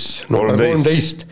FC Flora, eh, kellest oli siin juttu, kes kaotas Eesti meistritiitli, tegi äh, klubi jalgpalli ajalugu ja jõudis eurosarjas äh,, see oli see kummaline konverentsi liiga oli no tehti üks sari, et Eesti võistkond saaks ka Jah. eurosarjas kuhugi jõuda. Ja, ja jõudis alagrupi mängudele ja seal või võitis Belgradi partisani ja teenis, mis kõige tähtsam on see, et teenis hulga pappi. On põhiline. aga, aga muidugi tegelikult on see ju hea, et ka nendele nõrgematele meeste, meeskondadele on tehtud klubisari. korvpallis on. no ei no korvpallis kõik- on klubisarjasid omajagu, Omajagu, selles just. mõttes ei ole nagu nagu sarjapuudust otseselt ei ole, et isegi Pärnule jagus siin, üks sari ja, ja üks aasta isegi Tallinna Kalev mängis eurosarja. ja no Rakvere Tarvas käis seal Tarvas, no. Tarvas oli kõva. Aga Tallinna Kalev oli nagu punk et, et Jah. selles mõttes seal seda, seda probleemi nagu ei ole. just, aga, aga nüüd jalgpallurid tahavad ju ka, et see, noh, see tüütaks ju ilmselt ära, kui kogu aeg ainult meil on ka, kaks niisugust väärikat liigat, Euroopa liiga, meistrite liiga ja seal on, mängiksid kõik, tõesti staarid ja need väiksemad võistkonnad ei saakski võimalust. nojah, lihtsalt Sinna rääkides. Püüdes nüüd kuidagi maalida sellest konverentsiliigast mingisugust niisugust pilti, et see, et see nagu tõsiselt on Flora sugustele tehtud mingiks edu saavutamiseks, eks ta siis siis, siis see nagu natuke või päris palju isegi teeb liiga, aga mis mõttes uus liiga? No vaata nüüd siis kasvõi keda Flora võitis selles sarjas on ju. suured satsid. See mingi külaliiga nüüd ilmselgelt no ei olnud. Ei, on muidugi ei ole külaliiga. Champions League'i Euroopa liiga kõrval ta on ikka ju väike vennikene, midagi pole teha, noh, olgem ausad. No ütleme jalgpalli sellist nagu mastaapi arvestades, siis ei, mis mastaap. no mastaap on, me võime siin nagu nii-öelda eitada seda või mitte eitada, aga no mastaap on ikkagi kõikidest muudest pallimängust kõige kõvem, kandepind on kõige kõvem ja ka tippmeeskondi on kõige rohkem, raha on ka kõige rohkem. jaa, aga Tarmo, saad aru, et see konverentsiliiga ju huvitabki tegelikult Eestisid, noh, teisi, ma ei tea, võib-olla Belgiat, Soomet ja kõik need, kes, kes seal mängivad. see, ma arvan küll, et ei huvita, kopika eestki. Lä- Lähed suu-, lähed inglastelt küsima, kuule, kes võitis konverentsiliiga? teavad nad sellest midagi või? no usun, et ühel hetkel, kui ma ei tea, oletame, AS Rooma ja Partisan mängivad seal finaali kuskil, siis juba teatakse küll. no ei ole kindel, kuule neid ei, Inglise klubisid Kuule, suurt ei huvita isegi Euroopa isegi Euroopa liiga ei ole nende jaoks nagu midagi erilist. meenutasin ühes saates, kuidas ma lugesin äh, Serbia kor- seda spordimeediat, kui Partisan Flora käest tappa sai. No see on spordimeedia. see, see ei jätnud küll muljet, et seal kuidagi külmaks jätaks asi, asi. Me ei räägi Serbiast, me räägime jaa, Inglismaast. ja, ja üks asi Serbiast ja, ja äh, neid erutas see, et saadi tappa, aga mitte see, et, et tegu on konverentsiliigaga. Nemad tahavad kindlasti, kindlasti nad tahavad, et Belgradi partisan mängiks vähemalt Euroopa liiga. no ma otsin sulle järgmine kord üles, kui nad ei saa tappa ja siis näitan, et neile läheb korda ka mõni muu mäng. no ei no seal läheb jalgpall muidugi korda, eks, meil läheb ka jalgpall korda. mis te nüüd tahate öelda, et mõttetu värk? ei ole mõttetu värk. mõttetu, no ütleme, ma tõmban natuke paralleeli selle Kalev Cramoga, et ega no, tore oli, läbi kaotuste saadi sinna liigasse ja siis äh, edasi ei saadud. ei, aga, aga me- meie jutt ju käib, et väga tore, et on niisugune sari olemas, kus saab ka äh, FC Flora väiksemad klubid raha teenida, noh. no jutt on, jutt on ka see, et Flora oli nagu ikkagi päris tubli. Ja jutt on ka tegelikult see, mida sa Kalev Cramo puhul välja tõid, et, et võime tuua Lilleküla staadionile päris arvestatavalt tuhandeid inimesi, noh, näitab ka ilmselgelt midagi.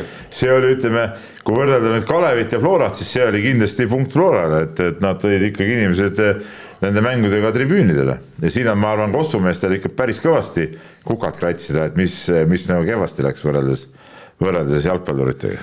Aga meie liigume koha juurde number kaksteist aasta sündmuste edetabelis ja markeerime sellega ära meie ujujate no ikkagi täiesti ägeda esiletõusu, kus Gregor Tsirk ujus välja siis Eesti ütleme siis olümpiaujula ajaloo parima tulemuse, Ene-Li Jefimova sai lühiraja EM-il medali ja neid väiksemate tiitlivõistluste finaali kohti on, on teistelgi ette näidata ja üsna värskelt.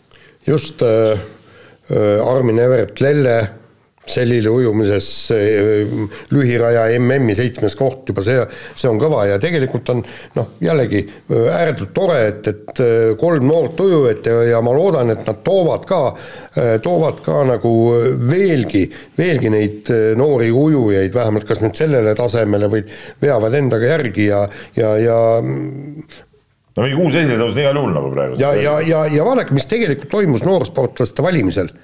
Eneli Jefimova sai, sai sellega, et ta nüüd juunioride EM-il võitis kolm, kolm medalit ja lühiraja EM-il võitis hõbeda ja tunnistati parimaks noorsportlaseks ja seesama Kelly Sil- Sildaru, kes tuleb siis täiskasvanute MM-il kullale rennisõidus ja jõuab siin neljandaks. seal tekib vaata see küsimus, et, et Kellyt nagu noorsportlasena veel võtta on natuke nagu imelik juba, kuigi ta vanuse poolest muidugi sinna kvalifitseerub ja kvalifitseerub sinna, aga ta on juba nagu päris sportlane nii kaua olnud nagu, et ta nagu võib-olla nagu minu arust isegi ei tohiks sinna kvalifitseeruda enam. et aga Ene Jefimov, mina muidugi panin ta esimeseks ikkagi selle lühiraja EM-i hõbeda eest, mitte nende juunioride tiitlite eest, sest et see oli ikkagi täiskasvanute võistlus ja, ja, ja väga korralik tulemus. jaa, aga, aga saad aru, inimestele läheb see peale, et, et no meil ei ole ju tegelikult ammu-ammu olnud niisugust tõsist ja lootustandvat ujujat, kellelt võiks ka oodata kuskil noh, MM-il ja pikaraja EM-il ja, ja kõik see tulemus.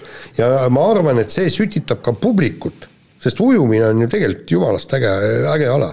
ja, ja, ja vaatame, mis siin nüüd saab Äh, kevadel tuleb äh, pikaraja EM. kui tsirk on vormis, miks mitte, Ene-Li Jefimova. ei muidugi, miks mitte. no Jaan maalib siin juba ja ma mõtlesin, mis, mis asjad ta siit välja maalib siin. ei no Ene-Li Jefimova kindlasti me ootame juba nüüd pikas basseinis ka ju EM-il äh, head tulemust, noh, igal juhul, noh ei no jah, head tulemust. no medalit, lihtsalt juba no, ikka, medalit ikka. ei, miks mitte, näiteks noh, tsirk oli ju ka, ta oli eurooplastest oli vist kolmas või, või, või okei okay,, see on lühikeses basseinis ja noh, ma arvan, et nad on konkurentsis kindlasti. Nii, aga läheme edasi, koht number üksteist ja, ja võib-olla naine, kes eh, sel aastal, nagu Tarmo siin korra nagu vihjas, võib-olla kõige rohkem kannatas eh, nende parimate sportlaste eh, valimistes, Epp Mäe tuli maadluses Euroopa meistriks ja MM-il hõbedale aga no olümpial muidugi põrus ja see, see nagu jättis ta siin ka meie kodustes naiste pingerivis kolmandale kohale, aga, aga vägev aasta Epu poolt igal juhul jah, aga ütleme niimoodi, et, et see äh, nii-öelda kannata, kannataja oli ta tõesti, et, et aga tal õnneks üks Kristjan on juba öö, olemas ja kõige suuremad kannatajad olid ju kaks tuhat kuus, kui oli meil kolm suurt maailmameistrit, eks, Inesin, Marko Luhamaa ja Heiki Nabi ja kellel ei olnud mitte mingisugustki, vähimatki lootuskiirt veerpalli olümpia, olümpiakulla kõrval, ütleme niimoodi, et, et see on loogiline, olümpiakuld ongi just MM-kuld on öö ja päev. ei, absoluutselt, aga, aga, aga ma ütlen, no Epp Mäe puhul ikkagi noh, nii palju kui meie seal maadlussaalis aimu sai, et, et ikkagi vaimselt, vaimselt põrus, ta niivõrd tahtis seda medalit, ta oli tõesti suurepärases vormis. ja, ja treener ütles ka pärast, et oli paremas vormis kui MM-il hõbedat võites. aga, aga seal oli tõesti noh, sul on võimalus see, see medal võtta, sa lähed sisuliselt kulla järgi ja kuskil väike kiiks on, et see sport, isegi maadlus, see on psühholoogiline ala no mis mõttes isegi maadlus, et see, see eh, nii-öelda nagu nina nina vastu mees mehe, naine naise vastu ei, no, mi... asjad on ikka nagu eriti veel psühholoogiaga no, seotud ta... asjad, kus sa nagu oled nagu võitlusolukorras. ei no psühholoogiline see, sa oled ise meenutanud siin Indrek Pertelsoni äh, silmavaadet äh, ühe matši eel ja teise matši eel, et noh, see, see on ju puhtalt ja. see nagu sellise võitlusspordi nii-öelda nagu ja, ja, ja see, kus see nii-öelda vaimne ja enesekindlus ja see nii-öelda vastase noh, ma ei ütle mitte nagu sõna otseses mõttes, aga piltlikult öeldes tapma minek määrab sul ju enamasti selle kogu selle tulemuse võrdsemate vastaste puhul. no seda küll, aga, aga on ka veel oluliselt psühholoogilisemaid spordialasid, eks, et, et kahevõistlus, sul on nii-öelda maadlus, eks, sul on, sul on ju, lihtsalt lähed sinna ja annad kuuma, sul ei ole aega mõelda, eks. pane sinna kõrvale golf või tennis, on ju kus sul on aega mõelda selle peale, mis nüüd juhtuma hakkab, ahaa, näed, ma olen siin ees, kohe ma hakkan võitma, kohe ma hakkan olümpiafinaali, vot seal on tõesti see psühholoogiline, aga siin on niisugune madistamine käib, et võta, võta see pagana jaapanlanna ja viska ta matile, nagu teised tegid.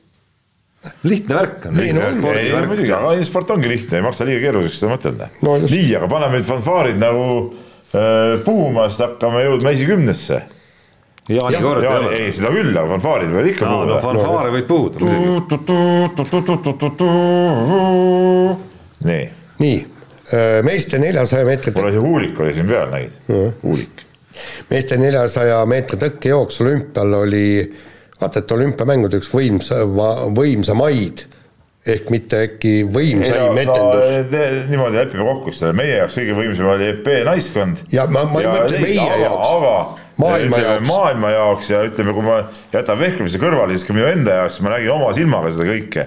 ja ausalt, see võttis nagu täitsa nagu, nagu sõnatuks või ei oskadki, see oli nagu nii absurdne nagu, et sa ei osanud nagu reageerida isegi kuidagi. Vaarholmi geniaalne maailmarekord ja, ja, ja, ja tore, et, et meie mees oli ka seal.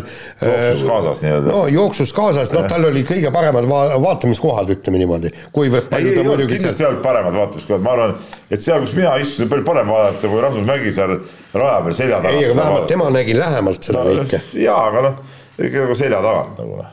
Jah, no mul on tunne tema aega vaadates, et ta ei saanud seda väga nautida. ta vist väga ei nautinud ka just, et ta nagu rassis ise tema tegi isikliku rekordi ja Eesti rekordi ja, ja tegi ka võimsa jooksu, noh.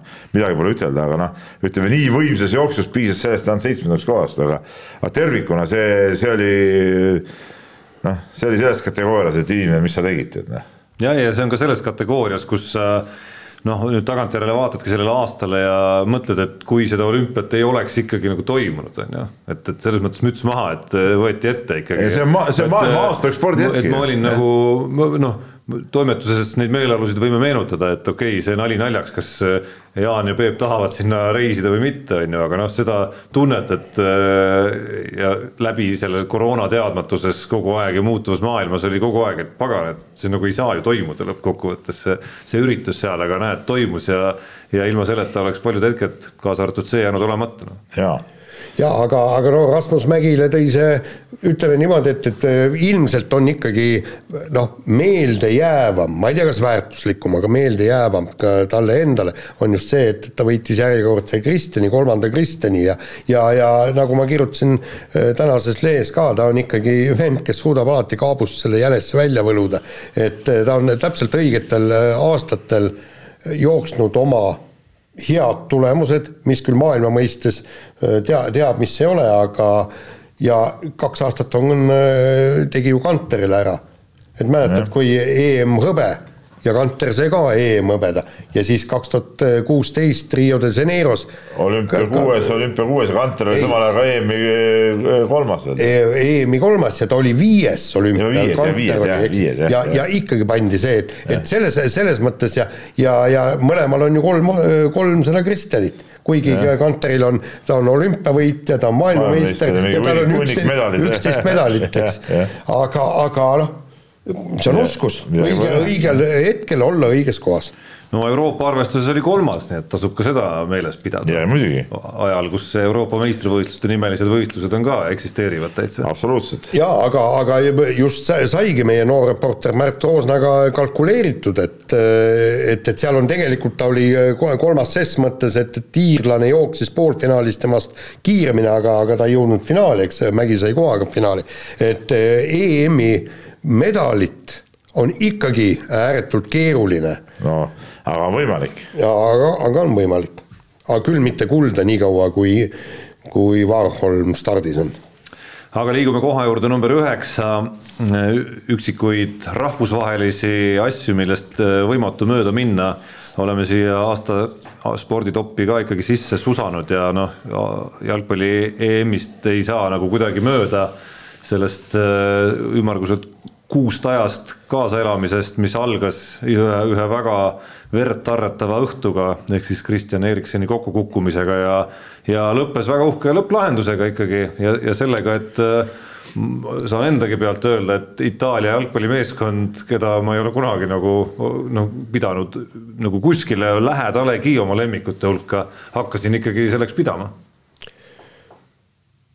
aa, jalgpallikoondist mõtled või? jaa, Itaalia jalgpallikoondist. kuidas ei ole pidanud, Itaalia? ma räägin endast. ei, kuidas, kuidas sul nii vale vaade spordile nagu elu, kuidas sa üldse nagu, kuidas sa üldse saad nagu spordisõber nagu olla, kui sa niimoodi valesti asjadele vaatad, et kui Itaalia nüüd kuulus betoonkaitse nagu on ju see alati, mis on alati nagu lummanud ju jalgpallisõpru ju Need on võib-olla lummanud küll, aga minu lemmikud on alati olnud või, Holland ja või, siis sealt järelt kuskilt ja sealt järelt Inglismaa. või võta sealt juba ütleme seal Roberto Baccio aegadest või, või, või Paolo Rossi aegadest, eks ole, noh, et, et lähme kaugemale, on ju kaheksakümmend kaks seal, no siis oli juba vägev, tead, noh jaa, aga tegelikult on äh, selles mõttes oli ikkagi natuke häbematu see, et, et äh, võideti inglasi mis asja? ei no, Inglismaal on ka ükskord. ei, nad on ühe korra saanud ju. ei no ühe korra on saanud jah kuigi no. sealt on ka kahtlase värava kaudu, ei, aga tegelikult inglastel ütleme niimoodi, traditsioone ja, ja kõike arvestades nagu see jalgpalli sünniriik oleks ikkagi aeg-ajalt, nad võiksid midagi võita. ei, arust pigem nagu, nagu häbiväärselt eh, kehvasti on inglased ise mänginud alati tiitlivõistlustel, mitte kehvasti, vaid häbiväärselt kehvasti on neil läinud kokkuvõttes. ja, ja ka nüüd oli neil ju võimalus. no ikka häbiväärselt kehvasti lõppes see nende jaoks. no jah, aga no see ei saa ju niimoodi olla, vaata sina traditsiooni tausta ei saa olla nii, et Brasiilia võidab MM-e üksteise järel, Saksamaa võidab Itaalia võidab hunniku EM-e ja ei no Itaalia, no Itaalia, millal ta viimati võitis, no sealt on tüpp aega möödas ju. Millal Inglismaa võitis, nemad peaksid, tähendab, neile peaks olema garanteeritud vähemalt igal kahe, kahekümne aasta jooksul mingisugunegi oleks inglastel ka mõni nagu sihuke vana hea mängumees, ma ei tea, Ruuni tagasi olnud või, või keegi mänginud nagu, nii nagu itaallastel ikkagi oli seal ju Kellinid, vennad, mõni vanameister ka ikka sees nagu, aga mis inglastel, kes see oli seal, midagi polnud ju tead, noh. mingid, mingid uued pupujukud tead, noh. ja tegelikult oli, oli see. kusjuures ma lõingi lahti, ega seal jah, sihukest äh, kolmkümmend plussi ega väga palju no, ei olnud. sihukest eredat tüüpi nagu ei ole ju tegelikult, eredat tüüpi ei ole, noh. jaa, aga seal oli tegelikult. see oleks legend sümpaatseid satse oli veel, võtame siis kas või seesama Taani, eks, et, et kes, kes mängis, mängis väga kenasti. Ah,. Taani sai sümpaatseks paljudele sellepärast, et see, see vahejuhtus alguses oli, ei no mängis, mängis, mängis, aga noh, kokkuvõttes selge noh, et, et sealt nagu midagi suurt ei tule, noh aga no enamus Nii. oli vägev, siin sellest ei saa nagu ümber kuidagimoodi, et, et see kuu läks nagu lennatas ikkagi hoolimata sellest, et see formaat on aetud ju laiemaks ja. formaat on aetud ja... laiemaks ja see kuu aega on ikka õudselt pikk, see on ikka õudselt pikk. ja aga see live formaat. ta on nagu ikka väsitav natuke. ja aga see live formaat väga ei häirinud. natuke häiris, mind häiris. ei, aga ega sa ei pea kõiki mänge vaatama. ei, ma ei vaadanud nagunii kõiki mänge, nalja teed, hulluks läinud aga vaatadki neid mänge, mis meeldivad. sellepärast, et no probleem on ju selles, et seal nagu see nagu noh, see see laialiolek nagu see nagu. ei, aga sa saad aru, siis lõpuks me pääseb ju Eesti ka võib-olla finaalturniirile.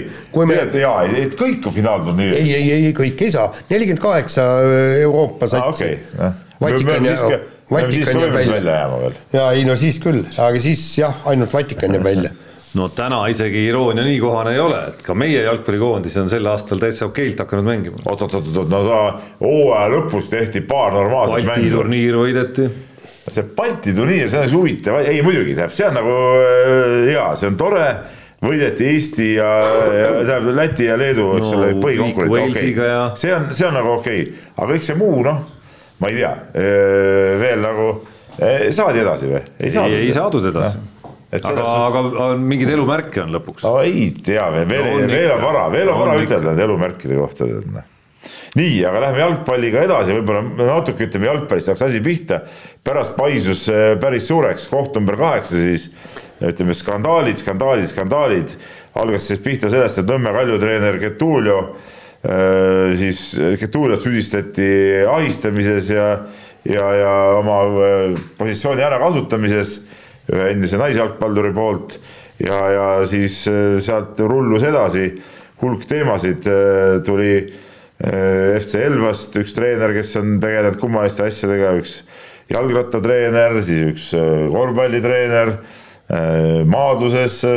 no ütleme mitmel, mitmel pool neid siukseid kummalisi lugusid on välja tulnud ja, ja, ja jah, kuidas nüüd võtta seda, et noh võib-olla mõni, mõne loo väljatoomine isegi polnud enam eriti õigustatud, ma pean silmas äh, vana legendaarne see Raimond äh, Pundi äh, lugu võrkpallist, eks ole. noh, mis, mis oli nagu ikkagi nagu sihuke nagu täielik nagu jura, et seal nagu inimene ammu surnud ennast isegi kuidagi kaitsta ei saa ja siis nüüd hakatakse välja tulema, et see, see oli nagu jama, aga, aga et need tegutsevad sellised niimoodi nagu kahtlased treenerid nagu avalikkuse ette tõmmatakse, see on muidugi õige. No, päris, nagu välja tuleb, päris tihti tegutsevad ikkagi nagu niimoodi, et ümbritsevad inimesed nagu teavad. kuidagi aastaid ja. kas päris täpselt teavad või, või ikkagi üsna täpselt teavad. no tegelikult see Raimond Pundi asi ei olnud saladus. ei, seda küll, aga hakata nüüd seda ketrama, see oli nagu nõme, see oli nagu kogu selles seeras, see oli nagu nõmedus, ütleme niimoodi.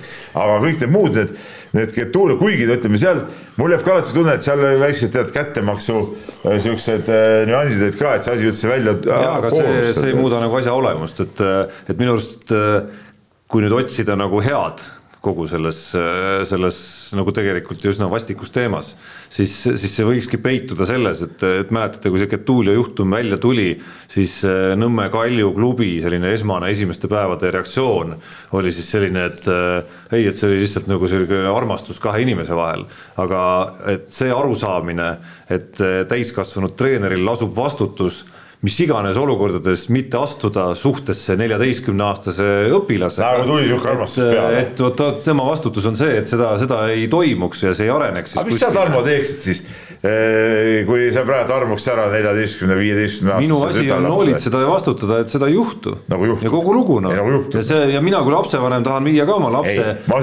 kümme, neliteist või mis iganes vanus seal kuskil alla, alla täiskasvanu iga, kus ma tean, et et õpetaja või treener, kelle hoole all mu laps on, suudab seda vastutust nagu õige, seda sa ütlesid valesti, tähendab seda, et kui keegi kellestki ära arvab, seda sa ei saa reguleerida. küll aga saab see treener reguleerida seda, et ta siis nagu ütleme, kuidas ütleb nagu surub maha selle. ei no sul on mõistus peas, sul on aju, mis otsustab. Sa, sa teed oma elus ja. otsuseid ju ise ikkagi lõppkokkuvõttes. ja aga, aga saate aru, et, et see, see on, see on ääretult, ääretult delikaatne ja keeruline tegelikult see teema ja praegu on asi ju kohtus, Getalia andis ju kohtusse selle asja ja et, et, et seal ei olnud mingisugust ärakasutamist vot seal ongi, vot, selles loos ongi kõige kummaline see, et, et seal ma ka nagu seda ütleme nii musta tooni nagu ei näe küll aga on see, kes siin saatis, oli see Elva mees vist, kes saatis oma, oma vända pilte kuskile ja, ja ma ei tea, mis asju.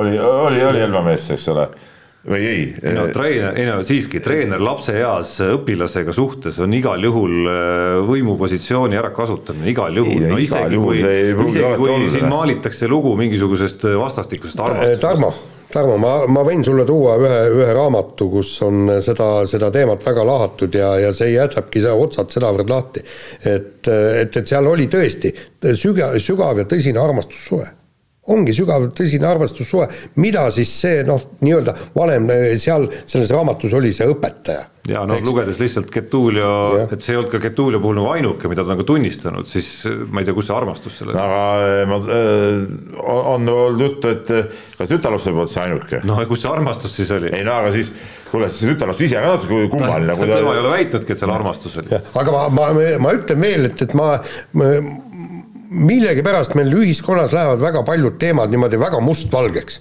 et need kõik on ja, ja, ja tegelikult noh, alati ei ole need asjad nii mustvalged, alati ei ole. no üldjuhul muidugi on. no üldjuhul on, aga mitte alati.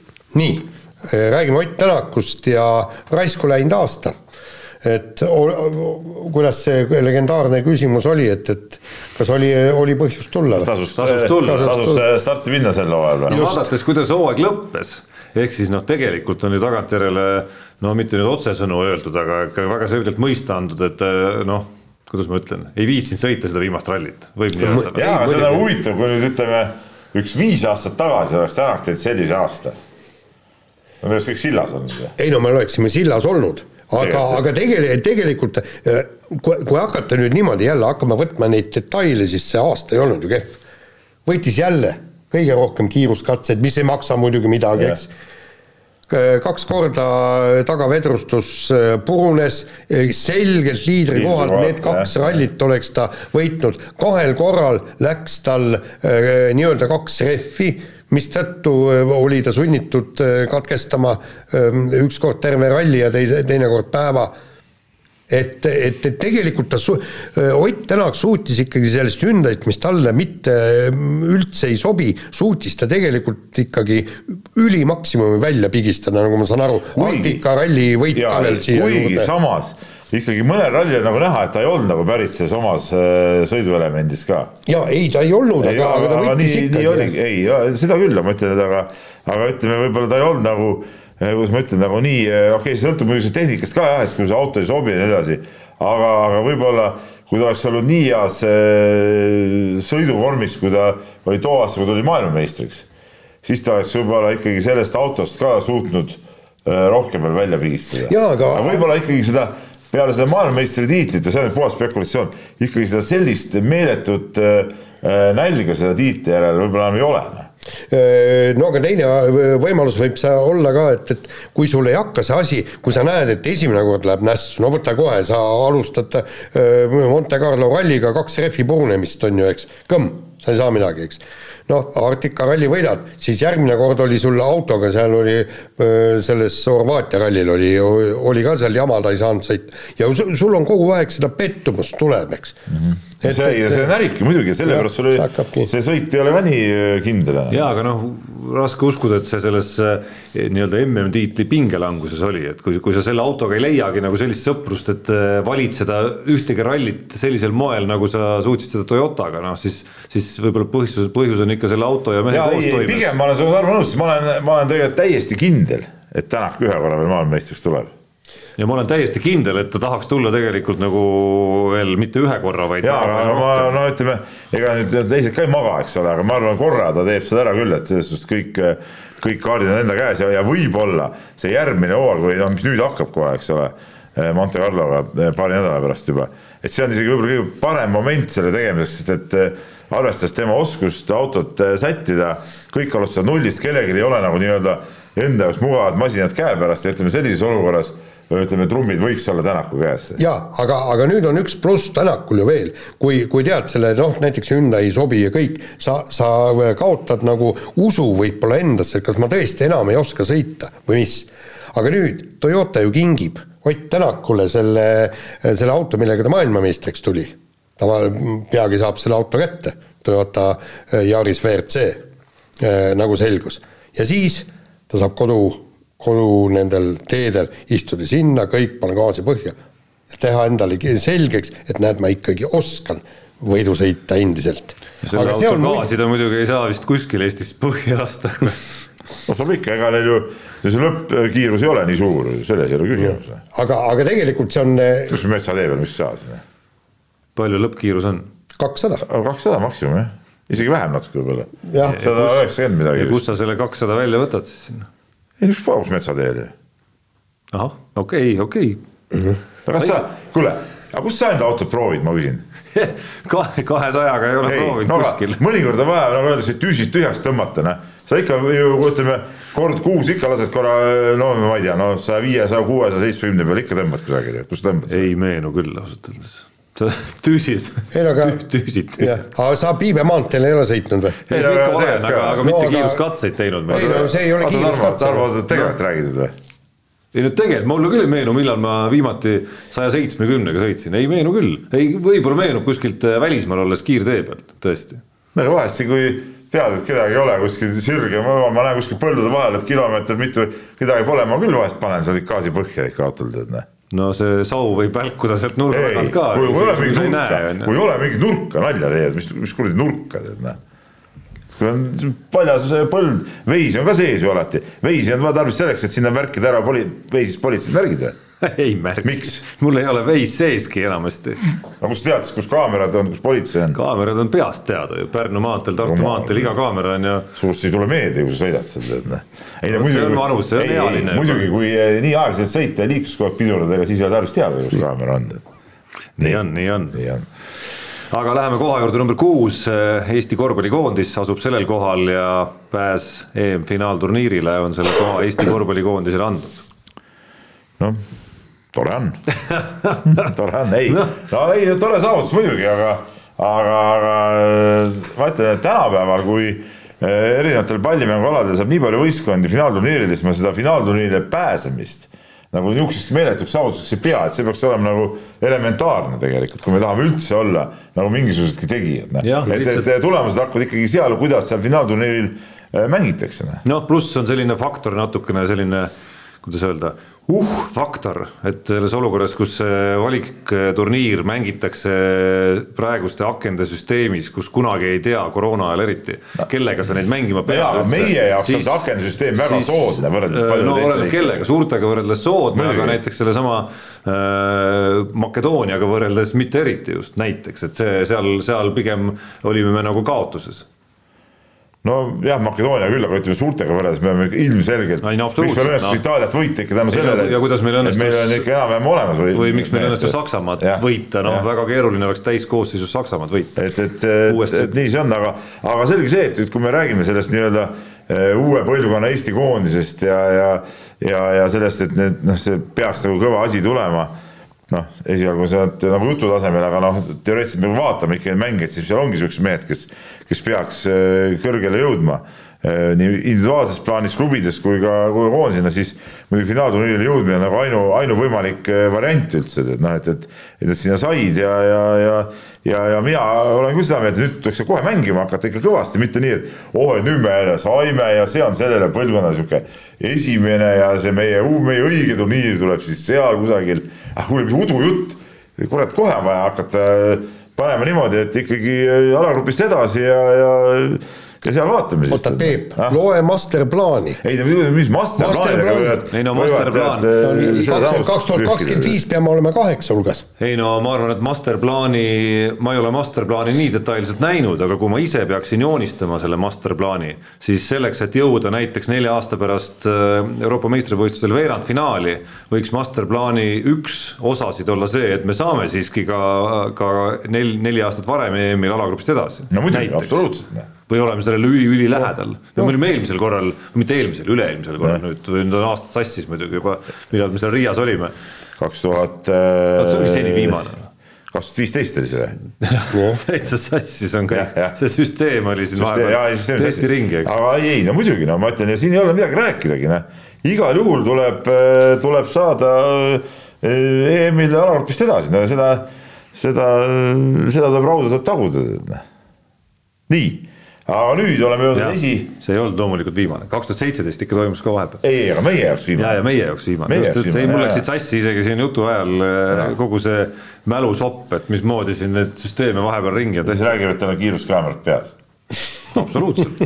see ei kõla nagu usutavalt aru, noh. välja arvatud need, mis, mida armastavad äh, ikkagi väga ja väga on hakatud armastama Eesti politsei poolt panna.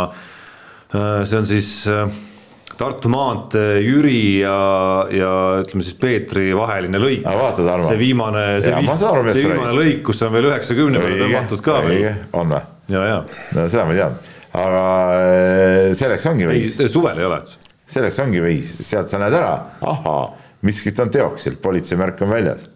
jah, noh, teine variant on lihtsalt arvestada sellega, et äh, ei maksa seal üldse hakata vajutama. ei no kuule, sul on sul neljarealine, mismoodi sa sõidad seal siis et, kolme, kolmekümnega et või? kolme, et kolmteist sekundit võita. no kasvõi noh, kuule sõidus peab olema mingisugune mõnu, kas sa saad aru sellest või? sa ei sõida autoga lihtsalt sellepärast jõuda punktist A punkti B, no seda, seda ka kindlasti muidugi aga see peab andma sulle ka emotsionaalse naudinguna ja selle saad ikka siis, kui sa saad nagu normaalselt sõita. jah, ja kuule, kolmteist sekundit sealt, kolmteist sekundit Jah. sealt, lõpuks korjad on. päevapeale kümme minutit äh, kokku ja kümme minutit on juba hea suur äh, aeg. selleks, et kümme minutit kokku hoida, pead sa ikka väga palju sõitma. ei no, kuule, ei kui sa vaata, siit, vaata, vaata veisis on üks asi veel, kui sa hakkad sõitma näiteks näed kohalejõudmise aeg näiteks kuusteist kakskümmend nii mm. -hmm. ja siis sa sõidad, sa näed kogu aeg, kuidas see kerib väiksemaks, lõpuks kuusteist kümme oled kohal näiteks Tartus. kümme mintsi varem, igal juhul hea ju. jah, ei, aga ma mõtlen, kolmteist sekundit võtad sealt ja igalt poolt võtad, noh, iga, igalt poolt toimimisest võtad kokku sekundite kaupa, lõpuks saadki ju kümme minutit. ja kus see kiire on siin elus siis? ei, kiire kogu aeg, kuule mul on aina ka kiire, sest et tegelikult mul on äh, veel täna ka palju tegemist, nii. ja nüüd uuesti fanfaarid, sest et äh, koht number viis, nüüd on juba teist uuring. nii kuule, see oli, see oli pioneerilaagri ä- ei, see, äratussignaal. ei, ei. Lipu heiskamine. ei, see oli see, oot, oot, oot, ja see oli, see oli äratus jah, ja see oli see. See oli siis sööma. tulge ruttu, pudru keeb, kokk on jalgupidi sees, oli see laul nagu käis sinna juurde, nii. aga nüüd lähme siis kohale number viis. Rein Taaramäe võitis siis äh, ühe kiiruskatse ehk Vuelta etapi ja oli korraks ka liider jah, ja see Jaan pani ta parimaks meessportlaseks. No jaa, aga see, see on ei ju no aga sa ju täpselt siin õid, mis, millest me ja siis ironiseerid siin korvpalli. korvpallikoondise esimeseks paneku üle. ei, ma ei ironiseeri. ei no okei okay,, tead, Taaramäe muidugi oli kõva, see, see võit oli, oli, oli, oli lahe ja, ja, ja uhke oli vaadata ja kõva oli vaadata seda. et, et ütleme siis mägedes ikkagi mees äh, ronis, ronis ära ja, ja tegi seda ära, aga, aga millest on kahju, on muidugi see, et et ta nii vähe aega seal liidri kohal püsis. No- no ta ju kukkus, see natuke, ei okei okay,, kukkus, no jaa, aga no see on ka ikkagi, ikkagi nagu nii-öelda no see oli ikka vähe õnnetu no see õnnetul ka, kombel aga, siiski. aga no ikkagi, et, et see natukene, natuke tõmbas nagu alla seda võib-olla seda tähtsust oleks ta ikka natuke kauem püsinud, oleks parem olnud, aga, aga ei, tervikuna muidugi eh, suurtuuri etapi võit on, on eh, võimas. jaa, aga tegelikult nüüd tahaks, tahaks loota, et, et keegi meil nüüd jälle võidaks ka nüüd siis selle nii-öelda mägise Tour de France'i etapi ära. Kirsipuu on sprindietappe võitnud, aga, aga, aga noh, see oleks muidugi no juba Tour de France oleks, oleks veel teine tera, eks ole. jaa, absoluutselt ja tegelikult ootaks, meil ju tulevad ju öö, noored jalgrattarid peale, aga ikkagi praegu kühveldavad needsamad vanad mehed seal kuskil eesotsas, noh, Kangert juba on ikkagi liiga abilise rolli taandunud, aga Taaramäe veel üritab, et, et kuulge, noored mehed, kus teie olete? Minge hakake aga võitma. ei, ega seal on küll igast, loeme ikka jälle, et eh, profirattur see ja profirattur too No, aga. Ja nad sõidavad ka Vueltale ja kõik, aga, jah. aga nagu ütleme, väga esile ei tõuse ikkagi tead, noh. kahjuks, kahjuks nii on nii, aga kohal number neli on vormel üks hooaja pöörane kulminatsioon ja ilmselt äh, Tarmo on mõelnud seal just seda viimast etappi ja viimase etapi viimast ringi, aga tegelikult on no eks see ta kruvis juba nädalaid ja kuid tegelikult. hooaega, terve hooaeg oli ja, et ega see, ega see nagu äh, et, et noh, ega see viimane lõpplahendus ei oleks ka olnud nagu nii dramaatiline, kui seda, seda eelmist jada seal kõik nagu ees ei oleks olnud. lihtsalt mul isiklikus plaanis ma nagu ei, pean tunnistama täiesti ausalt, et ega ma nagu väga palju ei lülitanud ennast otseülekannete lainele enne, kui hooaeg nagu lõpusirgele hakkas jõudma. ja siis, kui sai seda tehtud lõpuks ja siis, kui sai seda veel tehtud selle viimase sõidu viimastel ringidel, ütleme noh, see võis olla täiesti vabalt nagu emotsionaalses mõttes võib-olla isegi nagu täiesti võrreldav sellesama vehklemisneliku triumfiga olümpiamängudel, lihtsalt nagu selle draama mõttes, et, et mis seal nagu lahti rullis, see kommentaar, mis sealt samal ajal ingliskeelsena juurde tuli selles ülekandes, mida mina vaatasin, et, et see oli nagu vaatasid mingit piraatkanalit? hoiad küüntega kinni lihtsalt, täpsustame ka, mingit, mingit piraatkanali pealt vaatasid või? ma isegi ei tea ausalt öeldes, ma ei saa reeta kelle käest, küsisin, kui nägin, et asi on põnev. sul Viaplay'd pole või? küsisin lingi välja ja sealt ma vaatasin. Oota, kas sul Viaplay'd pole? Viaplay'd mul ei ole, aga kuidas sa jalka Champions League'i vaatad siis? ei olegi väga vaadanud enam. aga kusjuures ega ei jõuagi vaadata sporti nii palju, et ega sport ja, või KOS ja Euroliigad ja need asjad sa võtavad. tegelikult suu uraga liiga palju, sa jälgid muid asju, mingeid mõttetuid, mõttetuid poliitasju, mis nagu, mis nagu tavalisi inimesi ei huvita aga jah, et see oli sihuke korralik küüned kinni, küüned, ma ei mäleta, ma vist jäin isegi lõpuks äh, Selveri parklasse vist neid otsustavaid hetki vaatama lihtsalt, et äh, ei hakanud koju sõitma, vaid ootasin selle lõppu ära seal, et Jah. et, et see tõesti no ei saanud nagu pilku ära no.. aga no eks kokkuvõttes see oli nagu totrus oli see lõpplahendus. No lõpplahendus. oma olemuselt, oma olemuselt oma oli see. olemuselt oli totrus ja põnev, ma, sellega ma olen nõus, Tarmo, väga põnev ja terve hooaeg oli põnev ja see kõik oli nagu lahe. aga, aga lihtsalt see selline lõpplahendus nagu minu silmis nagu parim sõitja ei selgunud tegelikult. Jah, ja- ja ja tege- üks võitis Ja. ja annab au võitjale, aga parim sõitja ei selgunud, ma ei ütle, et ma ei ütle, et Hamilton oli parim või see oli, aga, aga lõpuks me ei saanudki teada, kumb parim oli. Et seal tege- muud tegurid nagu see nagu olid nagu üle sellest. ja, ja kusjuures on kahetsusväärne see, et oli võimalus tegelikult kohtunikul teha see äh, võidusõit märksa õiglamaks, õiglasemaks, see kui äh, kui see Lafitti äh, sõitis seina, siis oleks võinud kohe äh, punane lipp välja, sõit katkestada, tulevad boksi, panevad mõlemad endale vajalikud rehvid alla, ise valivad, mis panevad, nii, ja nüüd on viis ringi, ei oleks mingit, mingit jama olnud, siis oleks väga täpselt teada, et see sõidetakse mitte turvaaauto taga, võidusõidus, vahetus võidusõidus ja kummalegi nii-öelda eelist andmata, see eelis muidugi on, eks, et, et et nad saavad startida teineteise sabast, aga nad nii oleks sai eelist, et, et tänu sellele avariile üldse Vettel oleks siis nagu ikkagi järgi saanud, muidu polnud nagu variantigi. Vettel. Verstappen jah. Ja., et muidu poleks olnud mingit variantigi. jah, aga, aga siis oleks viis ringi ja palun andke kuuma aga noh, müts tuleb maha võtta vähemalt nii palju Verstappeni eest, et ta selle asja nagu ära ka realiseeris sellel, sellel, ega seda, ütleme seda ringi nüüd, nüüd nii pikalt ei olnud, et. jaa, ülekaal oli selgelt mäekõrgune, aga noh, sa pidid selle nagu ära realiseerima, nii et mõlemad jäävad veel tee peale. seda küll jah, aga ütleme ütleme, eeliseid oli ikkagi, ikkagi väga suur. Noh. jah, aga, aga, aga mis nüüd, no ma olen ju seda vormel ühte vaadanud, kui sellest siis, kui Soomes olid need ülekanded ja ma ei tea, kaheksakümnendatest alates ja kõike nii ja ja vahepeal mul kadus täitsa see, see vormeli vaatamise nii-öelda harjumuski ära, et, et okei okay,, ma vaatasin. põnev, sa jälgid nii huviga seda, jah. aga, ja, ja paningi teinekord lihtsalt, oli ta mul ek ekraanil ees, tegin muud tööd ja vaatasin siis pilguga, et, et mis seal toimub ja nüüd on ikkagi viimane kuu või viimased viis, kuus, seitse etappi tegelikult juba suvelgi, eks. ja ongi niimoodi, et, et silmad ekraanis kinni, kuigi meil on halb see, et, et meil on pühapäev nagu tööpäev, et tuleb ka muud teha, aga leiad ikkagi võimalus. no kuidas sa nüüd, Peep, siis niimoodi oled, oled nagu elu sättinud vanameistril nii halvaks? ma, ma natuke parandan, Jaani, sinu töö ongi vormelietapi vaatamine. ei, ei, no absoluutselt ei, ma ei saa, no vabanda väga, ma ei saa alati vaadata. aga, aga päris paljudel kordadel saad. ja, ja muide, Tarmokene. ära, ära poe nagu sinna taha. ja Tarmokene. ainuke asi, mis ma olen nagu nõus, et see Viaplay on igane jura muidugi, täiesti, et, et me oleme siin rääkinud sellest, teda ei ole mõnus vaadata ja selles suhtes muidugi jama ja Champions League'i sama asi, tead noh. et, et aga no vahest nad näitavad muidugi huvitavaid asju ka. No, soos ja võrdsus on nende äkki. No, sinu võimaluste juures see väike raha, mis nagu kulub, ei ole midagi. ja no probleemi koht on ka see, et noh, sellistel asjadel nad võiks võib-olla panustada ka nagu rohkem äh, suurtesse ülekannetesse, noh, selles mõttes, et kommentaatorid võiks rohkem olla ja, ja kõik see pool ka sinna juurde veel jaa, aga ta vormel üks, noh, kogu austuse juures on, ma arvan, üksi kommenteerida ikkagi nagu tun, tunnen nagu kaasa tegelikult ja. kolleeg Toomas Vabamäele. aga Tarmo, ta tahtsin öelda, et ühe asja sa oled ikkagi ära unustanud teisel tööpostil olles. no see, et, et pühapäev ongi ju tegelikult spordiajakirjanikule kõige raskem päev ja, ja, ja tegelikult on kuigi Jaan, ma pean natuke, ma olen põhimõtteliselt nõus, ma pean natuke parandama viimasel ajal ei ole see enam nii, nii eh, kuidagi nii olnud, nii tihke, vaata vanasti nii, et tulid pühapäeva hommikul, hakkasid panema seal midagi no siis nagu kuidagi, nagu, kuidagi see fookus on läinud nagu rohkem nagu laiali, et enam ei ole nagu see pühapäev nii. et see oli võistlusspordi keskne.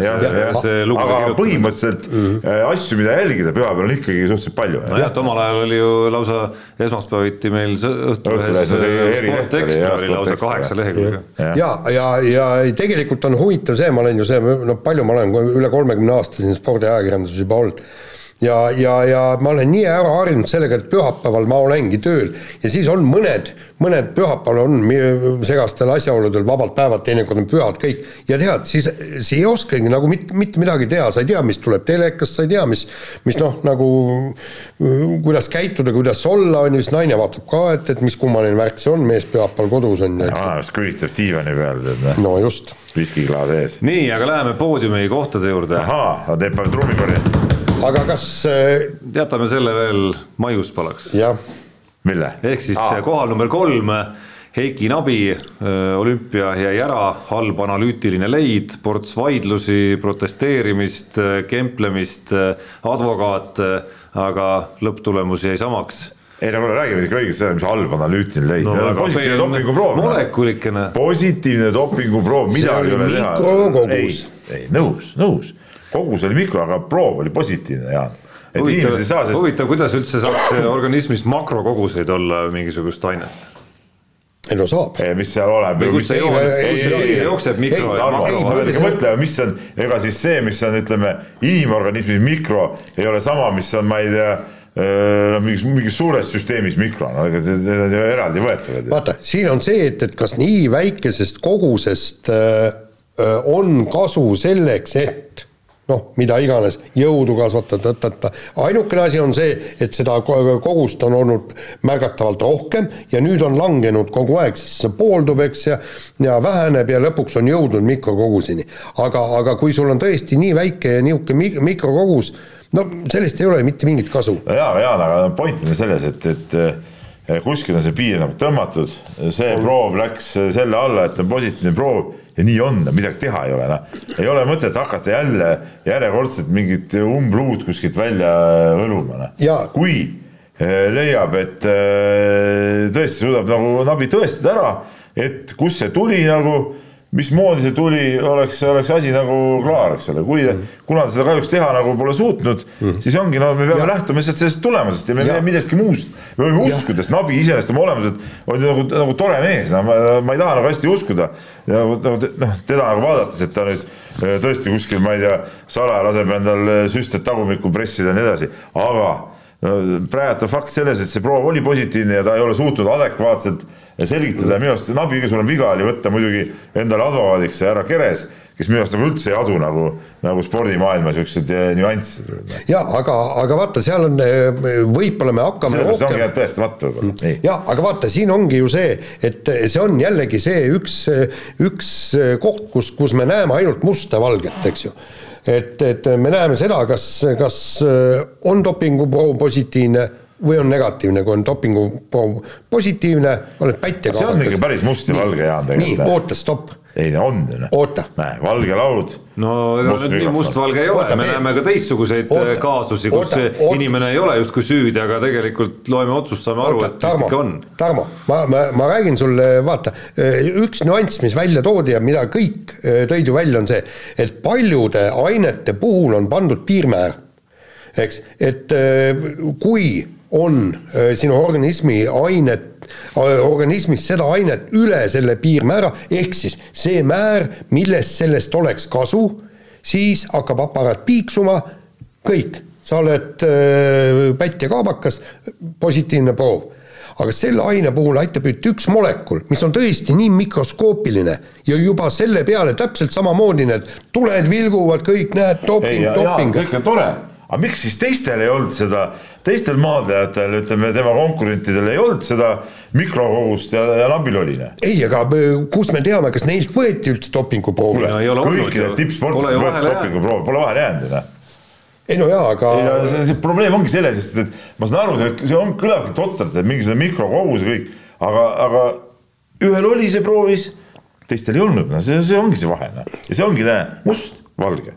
Ei no jaa, aga kui, vot siit hakkab jälle, kui oleks kõik need kes seal laagris viibisid, kui neilt oleks kõikidelt võetud dopinguproovid ja vot siis me saaksime öelda. selles laagris? no see no, no me ei tea ju, kust see tuli no, ei no Nabi väitis, et no, selles. no oot, oot, oot, sa lähedki seda, aga tõestada seda ju, ta ei ole suutnud. just, aga seda ma räägingi, et, et see ei ole must ja valge. ta oleks valge või must, kumba pidi sa näed seda, kui me oleks kõikidelt nendelt maadlejatelt sealsamas laagris võtnud dopinguproovi ja kui oleks olnud ainult Nabil, no siis jah. no selge, oleks võinud lasta need kohe võtta ei no tema ei saa midagi, tema ei saa lasta midagi, ei no muidugi ei saa. saab ikka. no ei saa. ei no mida, ei no mida, ei. et teda kutsutakse dopingukontrolli ja Navi ütleb, et kuule, võtke kümme tükki veel, kõik, kes siin veel. ei, sa aru, siis kui sa tead, et tal positiivne proov, siis ütleb, et palun kontrollige neid mehi ka, kes kõik seal laagris olid. ei no jaa, aga ei lähe ju antidoping selle peale kontrollima. eks, võiks minna. no aga ei, ei ole need asjad nii noh jaa, aga eh, kas sina arvad, et see Nabi on nagu puhas poiss või? puhas nagu prillikivi või? no ma kaldun arvama küll sinna, tähendab, ütleme niimoodi, kui mina peaksin, oleksin praegu kohtus, ma tahaksin kõiki neid materjale näha, eks. ma tahaksin näha, mis on nabipoolsed materjalid, ma tahaks näha, mis on vastaspoole materjalid, täpselt nii, nagu on seal äh, kassi kohus. materjal on ju selge, et on äh, halb analüütiline leid, see on olemas. positiivne dopinguproov. jaa, aga, aga teine, mis mind nagu veenab, ongi see mikrokogus. ja, ja, ja ma tahaksin ja, ja nagu nemad väidavad, on see juuksekarva test, mis näitab, et viimase kahe kuu jooksul ei ole ole seda ainet organismis rohkem olnud, mis tähendab seda, et ta ei ole nagu suuremast kogusest äh, langenud mikrokoguseks, aga, aga see on see. sellega olid ka mingid agad, ma mäletan. ka mingid agad, ma enam neid detaile ei mäleta, mingi aga seal oli. ei, seal aga oli, miks ma tean, aga oli see, et, et see juuksekarva test ei ole nii-öelda valideeritud. ei, seal oli mingi muu detail oli veel, mida meile siia kirjutati, aga seda ei leia. nii, ja okei okay,, aga, aga vaata, siin ongi nüüd see, et, et praegust. juuksed on suht suht lühikesed. sentimeeter äh, kuus kasvavad umbes nii et kui sul on kaks sentimeetrit äh, juukseid peas, siis see on kahe kuu kogus nii-öelda, aga, aga see on, äh, aga see on see, et, et kui ma praegu peaksin mõistma kohut, siis ma tunnistaksin Nabi õigeks. aga, aga, aga see on nüüd olemasoleva materjali põhjal ja kui nüüd see, saaksin lugeda ka see, neid kohtusse jõudvaid materjale ja, ja sealt, siis oleks võib-olla see järeldus teine. ja, ja nüüd ongi, asi on spordikohtus ja, ja eks ta jaanuaris selgub. Nii, lähme edasi, lööme uuesti trummipõrinat, koht number kaks tu, tutuut-tutuut, Anett Kontaveit. Läbi siis ütleme suht keskpärase hooaja, mis läbi hooaja suht keskpärane, siis lõpufaasis läbi treeneri vahetuse tõusis komeedina maailma tippu, jõudis aasta lõputurniirile ja jõudis seal ka finaali, nii et tubli saavutus, ütleme kõik aasta tähtsamad turniirid jäid, jäid küll kesiseks, aga see hooaja lõpp oli, oli nagu võimsa tõusuga. ja et kui siin saate teemasid sai, just selle aasta lõpu saate teemasid sai kokku pandud, siis ma ei tea, ma usun, et me kõik kasutasime neid iseenda eh, saat-, nädalasaadete teemade email'e, ma ei tea. Kuigi see on, ma ütlen, see Outlook on üks paha asi, jõle raske on üles leida. ei, aga ma panen kohe kataloogi. süsteemne inimene. ma teen endale kataloogi, mehe teinud kataloogi ja tõstan iga nädal pärast saadet tõstan selle sinna kataloogi. kataloog? jah. kurat, kui ma tegeleks sihukeste asjadega ka veel, siis ma ei jõuaks nii, mul niigi läheb kiireks siis oleks palju kiiremini leidnud see on üks kümnendik sekund selle tõsta kataloogi. no vot, ühesõnaga, kuhu ma jõuda tahtsin, oli see, et siis sealt kumas äh, ka läbi ju läbi nädalate aasta algusest, äh, noh, ma kõiki võib-olla ei vaadanud läbi, me jagasime siin perioodid, perioode natukene ära, aga sealt kumas läbi siin aasta esimeses pooles seal teemade seas, küll vahemängus, küll suurte teemade seas selliseid ohkeid, et no ei jälle põrumine, ei ikka vist ei tule nagu ikka vist kauaoodatud läbilööki vist ikka ei tule, on ju, jälle ootused jäid täitmata ja nii edasi ja nii edasi. ja nüüd tagantjärele oleme kuulnud siis, et, et noh, needsamad mõtted enam-vähem sarnastes sõnastustes käisid ju Anett Kontaveidi enda peas sealsamas nagu sisekõnena ka läbi ikkagi. seda ta on tunnistanud siin päris mitmes intervjuus aasta lõpus et selles mõttes nagu on see, on see nagu korralik, korralik nagu ralli olnud nii-öelda tema jaoks ka.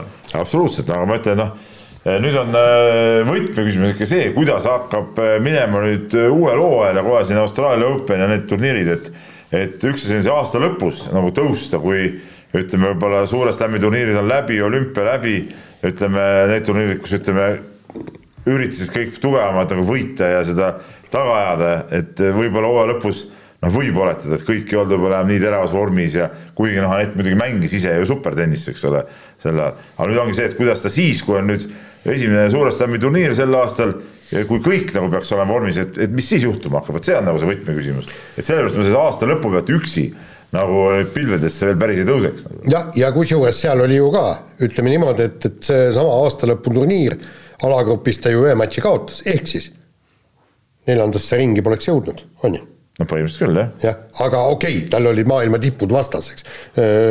no tal oli ka mäng, mis justkui nagu tema edasipääs oli selge juba selleks. jaa, ei, seda küll, eks, aga noh, seal oli raha küsimus no,, seal oli punktide küsimus. meelega kaotama ei läinud. seal oli edetabeli punktide küsimus ja, ja see ja aga okei okay,, suurel slam'il on esimesed vastased on lihtsamad, siis läheb eh, keeruliseks. aga, aga just, et me ei saa nagu võtta nende, me praegu tahaksime eh, vaadata seda, vaata, seal on, keegi olid hästi pahased, ütlesid, kuidas, mis mõttes on neid Kottaveiti saanud öö, number üks sportlaseks panna ja kõik nii, et vaata, mis ta tegi, aga mida ta tegi, ta võitis ju väikseid turniire. ta ei võitnud ühtegi tuhandest turniiri ta ei võitnud ühe, ühtegi tuhandest turniiri. ta ja, ja samamoodi võit-, ei võitnud ta ju seda aastalõputurniiri ka. ta võitis kahesaja viiekümneseid turniire viiesaja. no me kuulsime siin aasta lõpus, ei, ma olen nõus sellega, et et ka minu virtuaalsel nii-öelda ankeedil oleks ikkagi olnud esimene, esimene siis nii-öelda see vehkle, vehklemine oleks ikkagi nagu peale jäänud, aga et äh, me kuulsime siin aasta lõpus maailma tenniselegende rääkimas juba sellest, kuidas järgmine eesmärk peaks olema suure slam'i turniiri Just. ja me räägime siin veerandfinaali pääsust, et, et nagu on vaja ajalugu teha ja astuda, astuda samm edasi ja, ja siis poolfinaali ja nii edasi, on ju, et seal räägiti võitmisest ikkagi. aga see tõehetk, ma ju, siin ei ole üldse küsimust, ongi ees nüüd ja see, ja, kohe, see hakkab ja. kohe lahti rulluma siin. me näeme esimese poole aasta sees ju sisuliselt juba kolme suurt slämmi, nüüd kuu siia-sinna. just, aga, aga, aga Anetil on see hea võimalus. Tal on neli korda on võimalus proovida võita, võtta see üks võit. Ja kui me toome nüüd jällegi paralleeli olümpiaga, sul on nelja aasta peale üks võimalus. Jah, siin iga ja aasta neli. iga aasta neli võimalust, et, et see, see on ka nüüd erinev, aga, aga kindlasti ei ole Anett Kontaveidi saavutus äh, äh, mingi kehva saavutus. Aga, aga lihtsalt, lihtsalt seekord. Ja, ja muide, Robert ju ütles ka, et, et umbes oli pahane ju ka kommenteeris siin kedagi. ei no need on veel ja ma, ma olen nende argumentidega hästi palju nõus ka muidugi. Noh, see tennis äh, on nii-öelda maailma üks esialasid ikkagi ei ole nagu midagi vaielda siin vastu, aga no tulemus on tulemus. aga noh, kuskil on nüüd tulemus, kus, kus on võimalus alles suuri asju hakata nagu päris suuri asju on võimalus alles tegema hakata. Just, nii, aga nüüd enne, kui me läheme esimese koha juurde ja kes on jälginud neid, seda kulgemist meil siin paar tundi tähelepanelikult, ilmselt neid on väga raske üllatada sellega, mis seal esimesel kohal on, kuigi iga aasta me oleme siin mingisugust väikest, väikest üllatusmomenti püüdnud sinna ettepoole panna, alati ei ole, ole see võimalik olnud, vahel on olnud võimalik küll, siis enne kui me esimese koha juurde läheme, väikesed eriauhinnad anname ka siis välja meie no kuidas öelda, kangelastele jutumärkides äh, lõppeval või lõppenud spordiaastal ma ei teagi, kuidas seda tiitlit nüüd nimetada, et aasta Kristjaneid jagatakse aasta sportlastele, et äh, kas võt- võtame mingeid leedulasi või poolakaid appi kristjoonasteks nimetame need või Kristofiteks mitte, või nimetame Jaani järgi hoopis, hoopis aasta Jaanid. aasta Jaani, jah, võib ka see nii, kõlab võib-olla isegi veel paremini jah.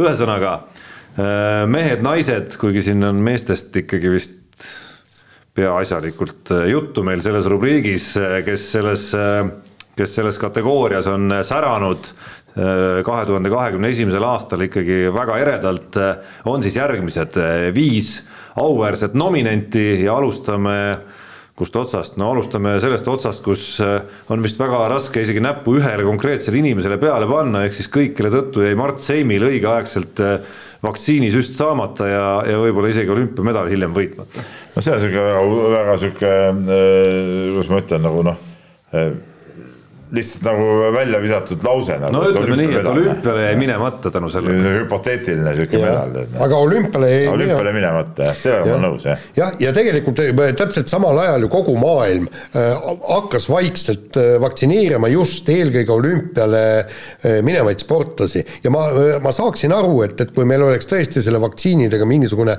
no, no nagu tol tõsine hetkel oli veel. no siis läks natuke aega mööda ja siis äh, ühel hetkel polnud enam vaktsiini kellessegi süstida, sest tahtjad olid otsas. just, aga, aga, aga siin, siin me peame ka natukene ikkagi kõik seda laiemat pilti vaatama. ja, ja, ja see oli ju, ju tehti taotlus ja kõik ja, ja, ja ei midagi ja, ja Mart Seimi võttis see, võttis see koroona nii läbi, et nagu ta ütles, et ta ei jõudnud suurt kõndidagi ja, ja eriti veel kangi tõsta, et et, et kahju muidugi nii, aga teine aasta Jaani tiitel läheb äh, Terviseameti nüüd endisele juhile Üllar Lannole, kes äh, pärast seda, kui Eesti jalgpallikoondisele ei antud luba äh, mängida koduväljakul mm valikmängu Tšehhiga ja see kohtumine peeti Poolas, ütles selle peale, et võidavad kõik, võidab Eesti riik, et me ei too sisse nakkusriski ja võidavad põhimõtteliselt siis mõlemad võistkonnad, tähendab võidab jalgpall mõlemad võistkonnad erapooletul pinnal, kellelgi ei ole koduseinu toetamas. no nii jaburat avaldust, kui see Üllar Lanno avaldus oli, noh sel aastal nagu ei olnudki tegelikult noh, et, et see, see, see nagu, nagu totruste tipp või nagu ütleme, asjadest mitte arusaamise nagu, nagu tipplevel nagu.. ja kusjuures eh, spordiga, nagu ma tean, on ta väga lähedalt eh, kursis, ta, ta on nagu spordiinimene ja, ja, ja niisugust jaburat juttu ajada no,, tal ju tütar tegeleb ratsutamisega. Ei, aga seal on ka siis no, noh, ma, ma, ma ei oska öelda siis. ma ei tea, kas mingist meeltesegadusest tuli tal see lause või, või, või lihtsalt tema pidi kuidagi nagu ära põhjendama selle, selle mingisuguse otsuse või või see nagu jäigi aru no selle viirusriskiga oleks saanud ju täitsa punkti panna sellele lausele ja jätta kasutamata võimalus panna koma ja jätkata seda lauset. kusjuures huvitav, kui ta nüüd eh, näiteks eh, saaks Eesti Jalgpalliliidu presidendiks, siis ta määraks ilmselt kõik, kõik mängud neutraalsetele väljakule, siis jalgpall võidaks. nii, aga kolmas aasta Jaan läheb meil Saaremaa võrkpalliklubi eestvedajatele tänaseks, ma ei teagi nüüd, mis see klubi staatus nüüd täpselt on, aga, aga see nii-öelda. ei, seal ei olegi mingit staatust. kõige, ei no seal, kas seal kuskil rohujuure tasandil see klubi, mis toimib, omab mingit sidet sellega no,, mis siin nagu tipptasemel no, toimis. me, me räägime sellest põhiseadusest. sellel tipptasemel on äh, Saaremaa võrkpallipildilt kadunud, aga äh, minek ei olnud selline nagu vaikne, vaid ikkagi viimase hetkeni Äh, räägiti siin sellest, kuidas ja mitte ainult ei räägitud, vaid registreeriti ennast eurosarja osalema olukorras, kus ühtegi mängijat ei olnud, treenerit ei olnud, trennigi polnud, mitte midagi ei olnud. Ja mis, mis pagana jura see nüüd oli, on siiamaani segane. ei no jaa, aga napilt läks, võib-olla vend, vend tõesti tahtis hirmsalt teha, et, et läheb, vallutab Euroopa sarja ja kõik niimoodi ja, ja noh, helistab ühele mehele, helistab teisele mehele, keegi ei taha tulla, no näed, ebaõnn. no see on nagu, see siiski on nagu Kreisi raadio mingi no, on, on, nagu päris elus ikkagi. aga mees tegi pulli võib-olla, tead noh, miski mitte. keegi ei saanud aru lihtsalt. ei, ta ise sai. Kuule, aga ootame järgmist aastat praegu irvitate, järgmine aasta paneb sul. treeningpartnerid ikkagi olema seal superliigas. kuule, järgmine aasta lähevad, panevad sul Venemaa superliigas mängivad ja, ja siis treeningpartneriks minema sinna. ei no jaa, aga pärast seda, aasta pärast treeningpartnerlust lähevad Venemaa superliigasse mängima ja kui hak-, lähevad sinna mängima, mis sa siis ütled, tahaks su nägu näha aga neljas aasta Jaan läheb Veeklemisliidu asjapulkadele, nüüd vist juba endistele peamiselt kes äh, päris huvitaval moel otsustasid siin äh, suve lõpus, sügisel Kaido Kaabermast äh, lahti saamisega tegeleda, et siis selle asemel, et leppida kuidagi asjad kokku, korraldada mingi konkurss, siis käis seal üks nagu suuremat sorti kama ja no,. jumal tänatud, sihukeste tontide tähelend alaliidus jäi nagu, nagu üürikeseks ja madalaks, noh. sest noh, see jaburuse tipp oli see. ja no ma siiamaani ütlen, et, et iseenesest noh, seal on kaks teemat, üks on see, kas jätkata Kaabermaaga või ilma, aga teine on see, et kui Kuidas tahadki Kaabermaast lahti saada ja vahetada treenerit, siis, siis neid asju aetakse oluliselt teistmoodi lihtsalt jah, ja, ja, ja keerata ikka korralik jama kokku. absoluutselt. Ja, ja, ja kusjuures kõige hullem oli see, et, et see kõik vindus ju kaks kuud, see hakkas ju, äh, see hakkas ju äh, augustis seal olümpiamängude järel kohe hakkas vinduma. Ja siis, kui ma läksin sinna Eesti tšempionaadile, siis räägiti sellest ajast veel kaks kuud.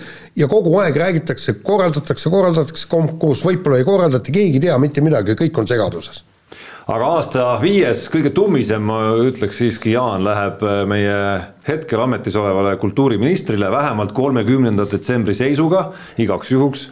Äh, Tiit Terik, Terik on tema nimi ja ametisse asudes teatas siis tema, et Eesti ralli populaarsuse tugitalad on Urmo Aava ja Tarmo Hõbe ja Kalevi korvpallimeeskonna aitas siis kaks korda Moskvat CSKA üle võidule loomulikult äh, Tallinna, kuidas me ütleme, linnavolikogu aseesimees vist hetkel, endine abilinnapea Kalle Klandorf. no parteikaaslane tal. jah, kes ütlen... võib-olla selle eest saigi, ma lugesin just äh, Postimehest äh, päris korraliku kopsaka lahkumispreemia sai Kalle Klandorf, võib-olla seal tänu sellele, me siin enne saadet natukene Jaaniga siin ütleme pehmelt öeldes olime kriitilised omavahelises vestluses, aga me ei tulnud selle peale, et siin see CSKA alistamise moment. no vot, te ei jaga asja, teiseks muuseas Äh, härra minister esines ka sellel kuulsal äh, spordigalal ja nagu ütleme, vaheajal äh, seal ringi liikudes ja veiniklaasi taga inimestega rääkides kõlas arvamus, et on toimunud märgatav areng, et et äh, sõnavõtt oli juba ütleme lootustandev. et põhimõtteliselt sai aru, millest räägib ja, ja. nii palju ta mõistis, et, et seal on ümber sportlased ja noh, et, et vehklemine on mõõkadega ja autoralli, see tähendab seda, et istutakse autos ja sõidetakse rallit. jah, põhimõtteliselt küll ja, ja no,, ja, ja meil oli, mainis ära, et meil jäi ikkagi selja taha läbi aegade üks parimaid spordiaastaid seal sada üheksakümmend medalit või midagi. ei, kakssada üheksakümmend. või kakssada üheksakümmend medalit tiitlivõistlused, noh ja, ja, ja kusjuures. mees teadis kõike täpselt, kuidas, kuidas automudelismis või, või mudellennus ja. ja kõik need medalid, mehel kõik teada. ja, jah, kusjuures seal oli. üllatusena talle. no mina arvan siiamaani, et et tegelikult oligi Kalle Klandorf see, kes aitas need võidud ära tuua. ta lihtsalt nagu, ei no mina, mina ütlen, et oligi, ta lihtsalt nagu, ta lipsas, ta lipsas tal lipsas, keegi ei ole tahtnud seda välja öelda, tal lipsas lihtsalt nagu üle huulte see kogemata, no see saladuse, ta lobises välja saladuse. parteisisese saladuse. jah ja., et Jah. no kahjuks, kahjuks ilmselt äh, vaikib ajalugu, kuidas täpselt, mis see Klandorfi roll oli seal no, aga arvestades vana, tema, kuule, vana Miilits, küll vana Miilits teab, kuidas ütleme ja seal on Jõustruktuuridega oskab suhelda. siseministeerium versus kaitseministeerium, niisugune vana, vana, vana, vana vastasseis ka, Dünamo ja, ja siis CSKA, eks ole, noh, selge see, et küll teab, kuidas. kuule, aga kas ei võinud olla niimoodi, et, et Stal-, Stelmachersil on mingi kiip või kuskil mingi kõ- kõrva ja siis Klandorf vaatab telekast, ütleb, kuule, nüüd teed selle ei, vahetuse. mina arvan hoopis nii, et, et äh, Klandorfil oli pea, sest et see oli mass Stelmachersi näoga. ja siis ta sai juhendamise meeskonda. Vaata filmi, müüakse. vaata Ei, filmides on ka siuksed olemas ju, tead, noh, jah. väga tore. no vot, aga jaanid on nii, jagatud. nii ja nüüd kõik fanfaarid. nii, esikoht.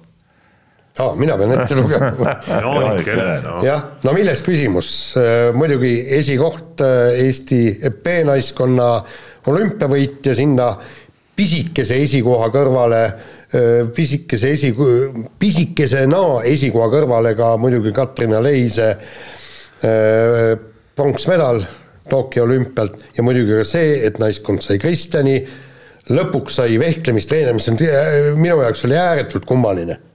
vehklemistreener te- teenis ka lõpuks Kristjani. See polnud kummaline, et ta teenis, lõpp- vaid, vaid see, et ta alles lõpuks teenis. lõpuks jah, ükski ve- vehklemistreener polnud sinnamaani ja Katrin Leis teenis ka veel Kristjani, aga, aga mitte midagi ei ole teha, et no me oleme väike rahvas, meil ei ole neid olümpiavõite niivõrd palju, et, et ja ühe hetkega saada neli kena tüdrukut olümpiavõitjaks ja kusjuures läbi nihukese draama mis on, mis on tegelikult ütleme hooaja algusest peale Kaasanis siis see etapp, millega no kas üldse saavad ja kõik no see- see- valik, seda- valiktsükli ajal, ütleme siis, oli neid hetki küll, kus äh, ma tunnistan ausalt, vaatasin telekast intervjuusid ja, ja sealt kumas nagu päris palju ebakindlust isegi, isegi sellist nagu ja, ja päris korralikku stressi naiste olekust ja näost. jah, aga, aga lõpuks ja, ja, ja kõik, kõik see, kõik see draama, ega, ega seal ei olnud, nad Itaalia võitsid ju ära äh, nii-öelda lihtsalt äh,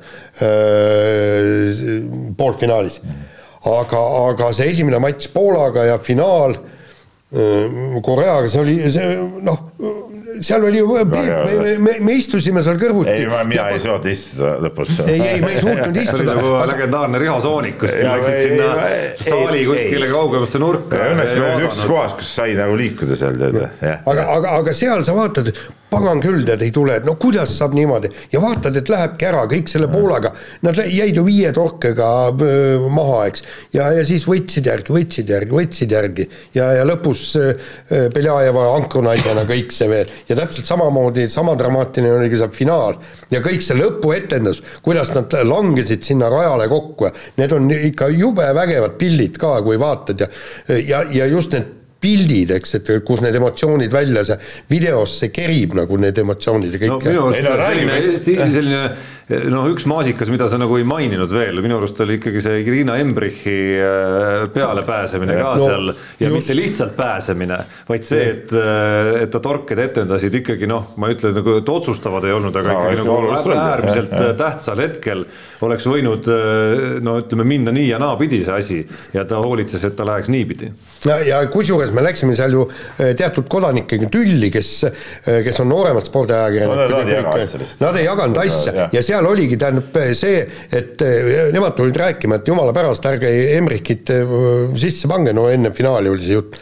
mõtlesin, kuule mehed, mis te räägite et pigem hõbe Emrichiga kui kuld ilma Emrichita. see oli meie, ütleme, sellepärast, et see, see, see oli ju, kõik see ajalugu ju näitas, Emrich eh, aitaski kogu sellel kambal niivõrd eh, ühtseks saada ja, ja te- tema oli ju see võistkonna vaimne ja füüsiline eh, ema nii-öelda, kui tüdrukud tulid juuniorieast sinna peale, hakkasid võ- võitma. ja kuidas sa nüüd jätad välja? Ei muidugi kuidas sa jätad välja? aga no üldiselt, kui me vaatame selle spordiaasta kokku, eks ole, siis noh, siin võib rääkida ja vaielda, et, et, et, et oh, mingi muu asi oli siin kõvem, aga, aga no tulge nüüd mõistusele, tähendab eh, olümpiavõit on olümpiavõit ja olümpiamedal on olümpiamedal, et siin, siin kõik muu on ikkagi nagu selle kõrval lihtsalt eh, noh, kukasupp. just, ja, ja, ja, ja me võime, me võime hakata näiteks järgmine aasta, ma räägin, läheb võitluseks, kui Kelly Sildaru tuleb olümpiavõitjaks rennisõidus, pargisõidus, mis iganes, Janet Kontaveit võidab suure slam'i turniiri ära, vot see on nüüd siis, vot tõsine vastasseis ma jään oma seisukoha kindlaks, olümpiavõit on olümpiavõit, isegi, isegi siukse naljaalal nagu, nagu see vigursuusatus. et kui Kelly Sildaru võidab M-kumma ala ja Anett Kontaveit ükskõik millise suure slam'i turniiri, sa paned Sildaru ettepoole? jah. No selge. sa ei pane? ei pane. no vot sinu jaoks vaata ei ole olümpia nagu ülim, minu jaoks olümpia on ülim nagu spordis no tennises, tennises Peep, nagu sa tead, ei ole olümpia ülim. no, no mis teha siis? tennises ei ole olümpia ülim no,, aga... tennises on ülim suure slam'i no, turniir. no okei okay,, võidab suure slam'i, okei okay,, siis ja, ma saan aru. aga, aga sel juhul, kui, kui nii juhtuks, oleks see vaidlus, oleks äh, nii-öelda ad-, adekvaatne ole, oleks see vaidlus adekvaatne, kas peaks olema mm, Anett Kontaveit või siis olümpiavõitja peaks olema Eesti parim aga praegu ta ei ole adekvaatne, sest üks võitis olümpia ja teine ei võitnud suurt slam'i. täpselt jah, nii on. no nii jah, see väikene heli siin vahepeal tähistas ka ilmselgelt. Äh, poiss koju et on, oleks, oleks siis koju, et ja. siin on vaja linna pealt veel kokkusaamised ja asjad. aega on läinud nagu täitsa uppi, me oleme teinud ülipika saate, üle kahe tunni ma vaatan. jaa, vastab tõele. just, äh, aga ei. sellega siis lõpetame legendaarse lauluga või? head uut aastat ei ole no ma ei tea, kas me tahame sinu. ei taha, no okei okay,, las siis jääb. oota, oota, oota.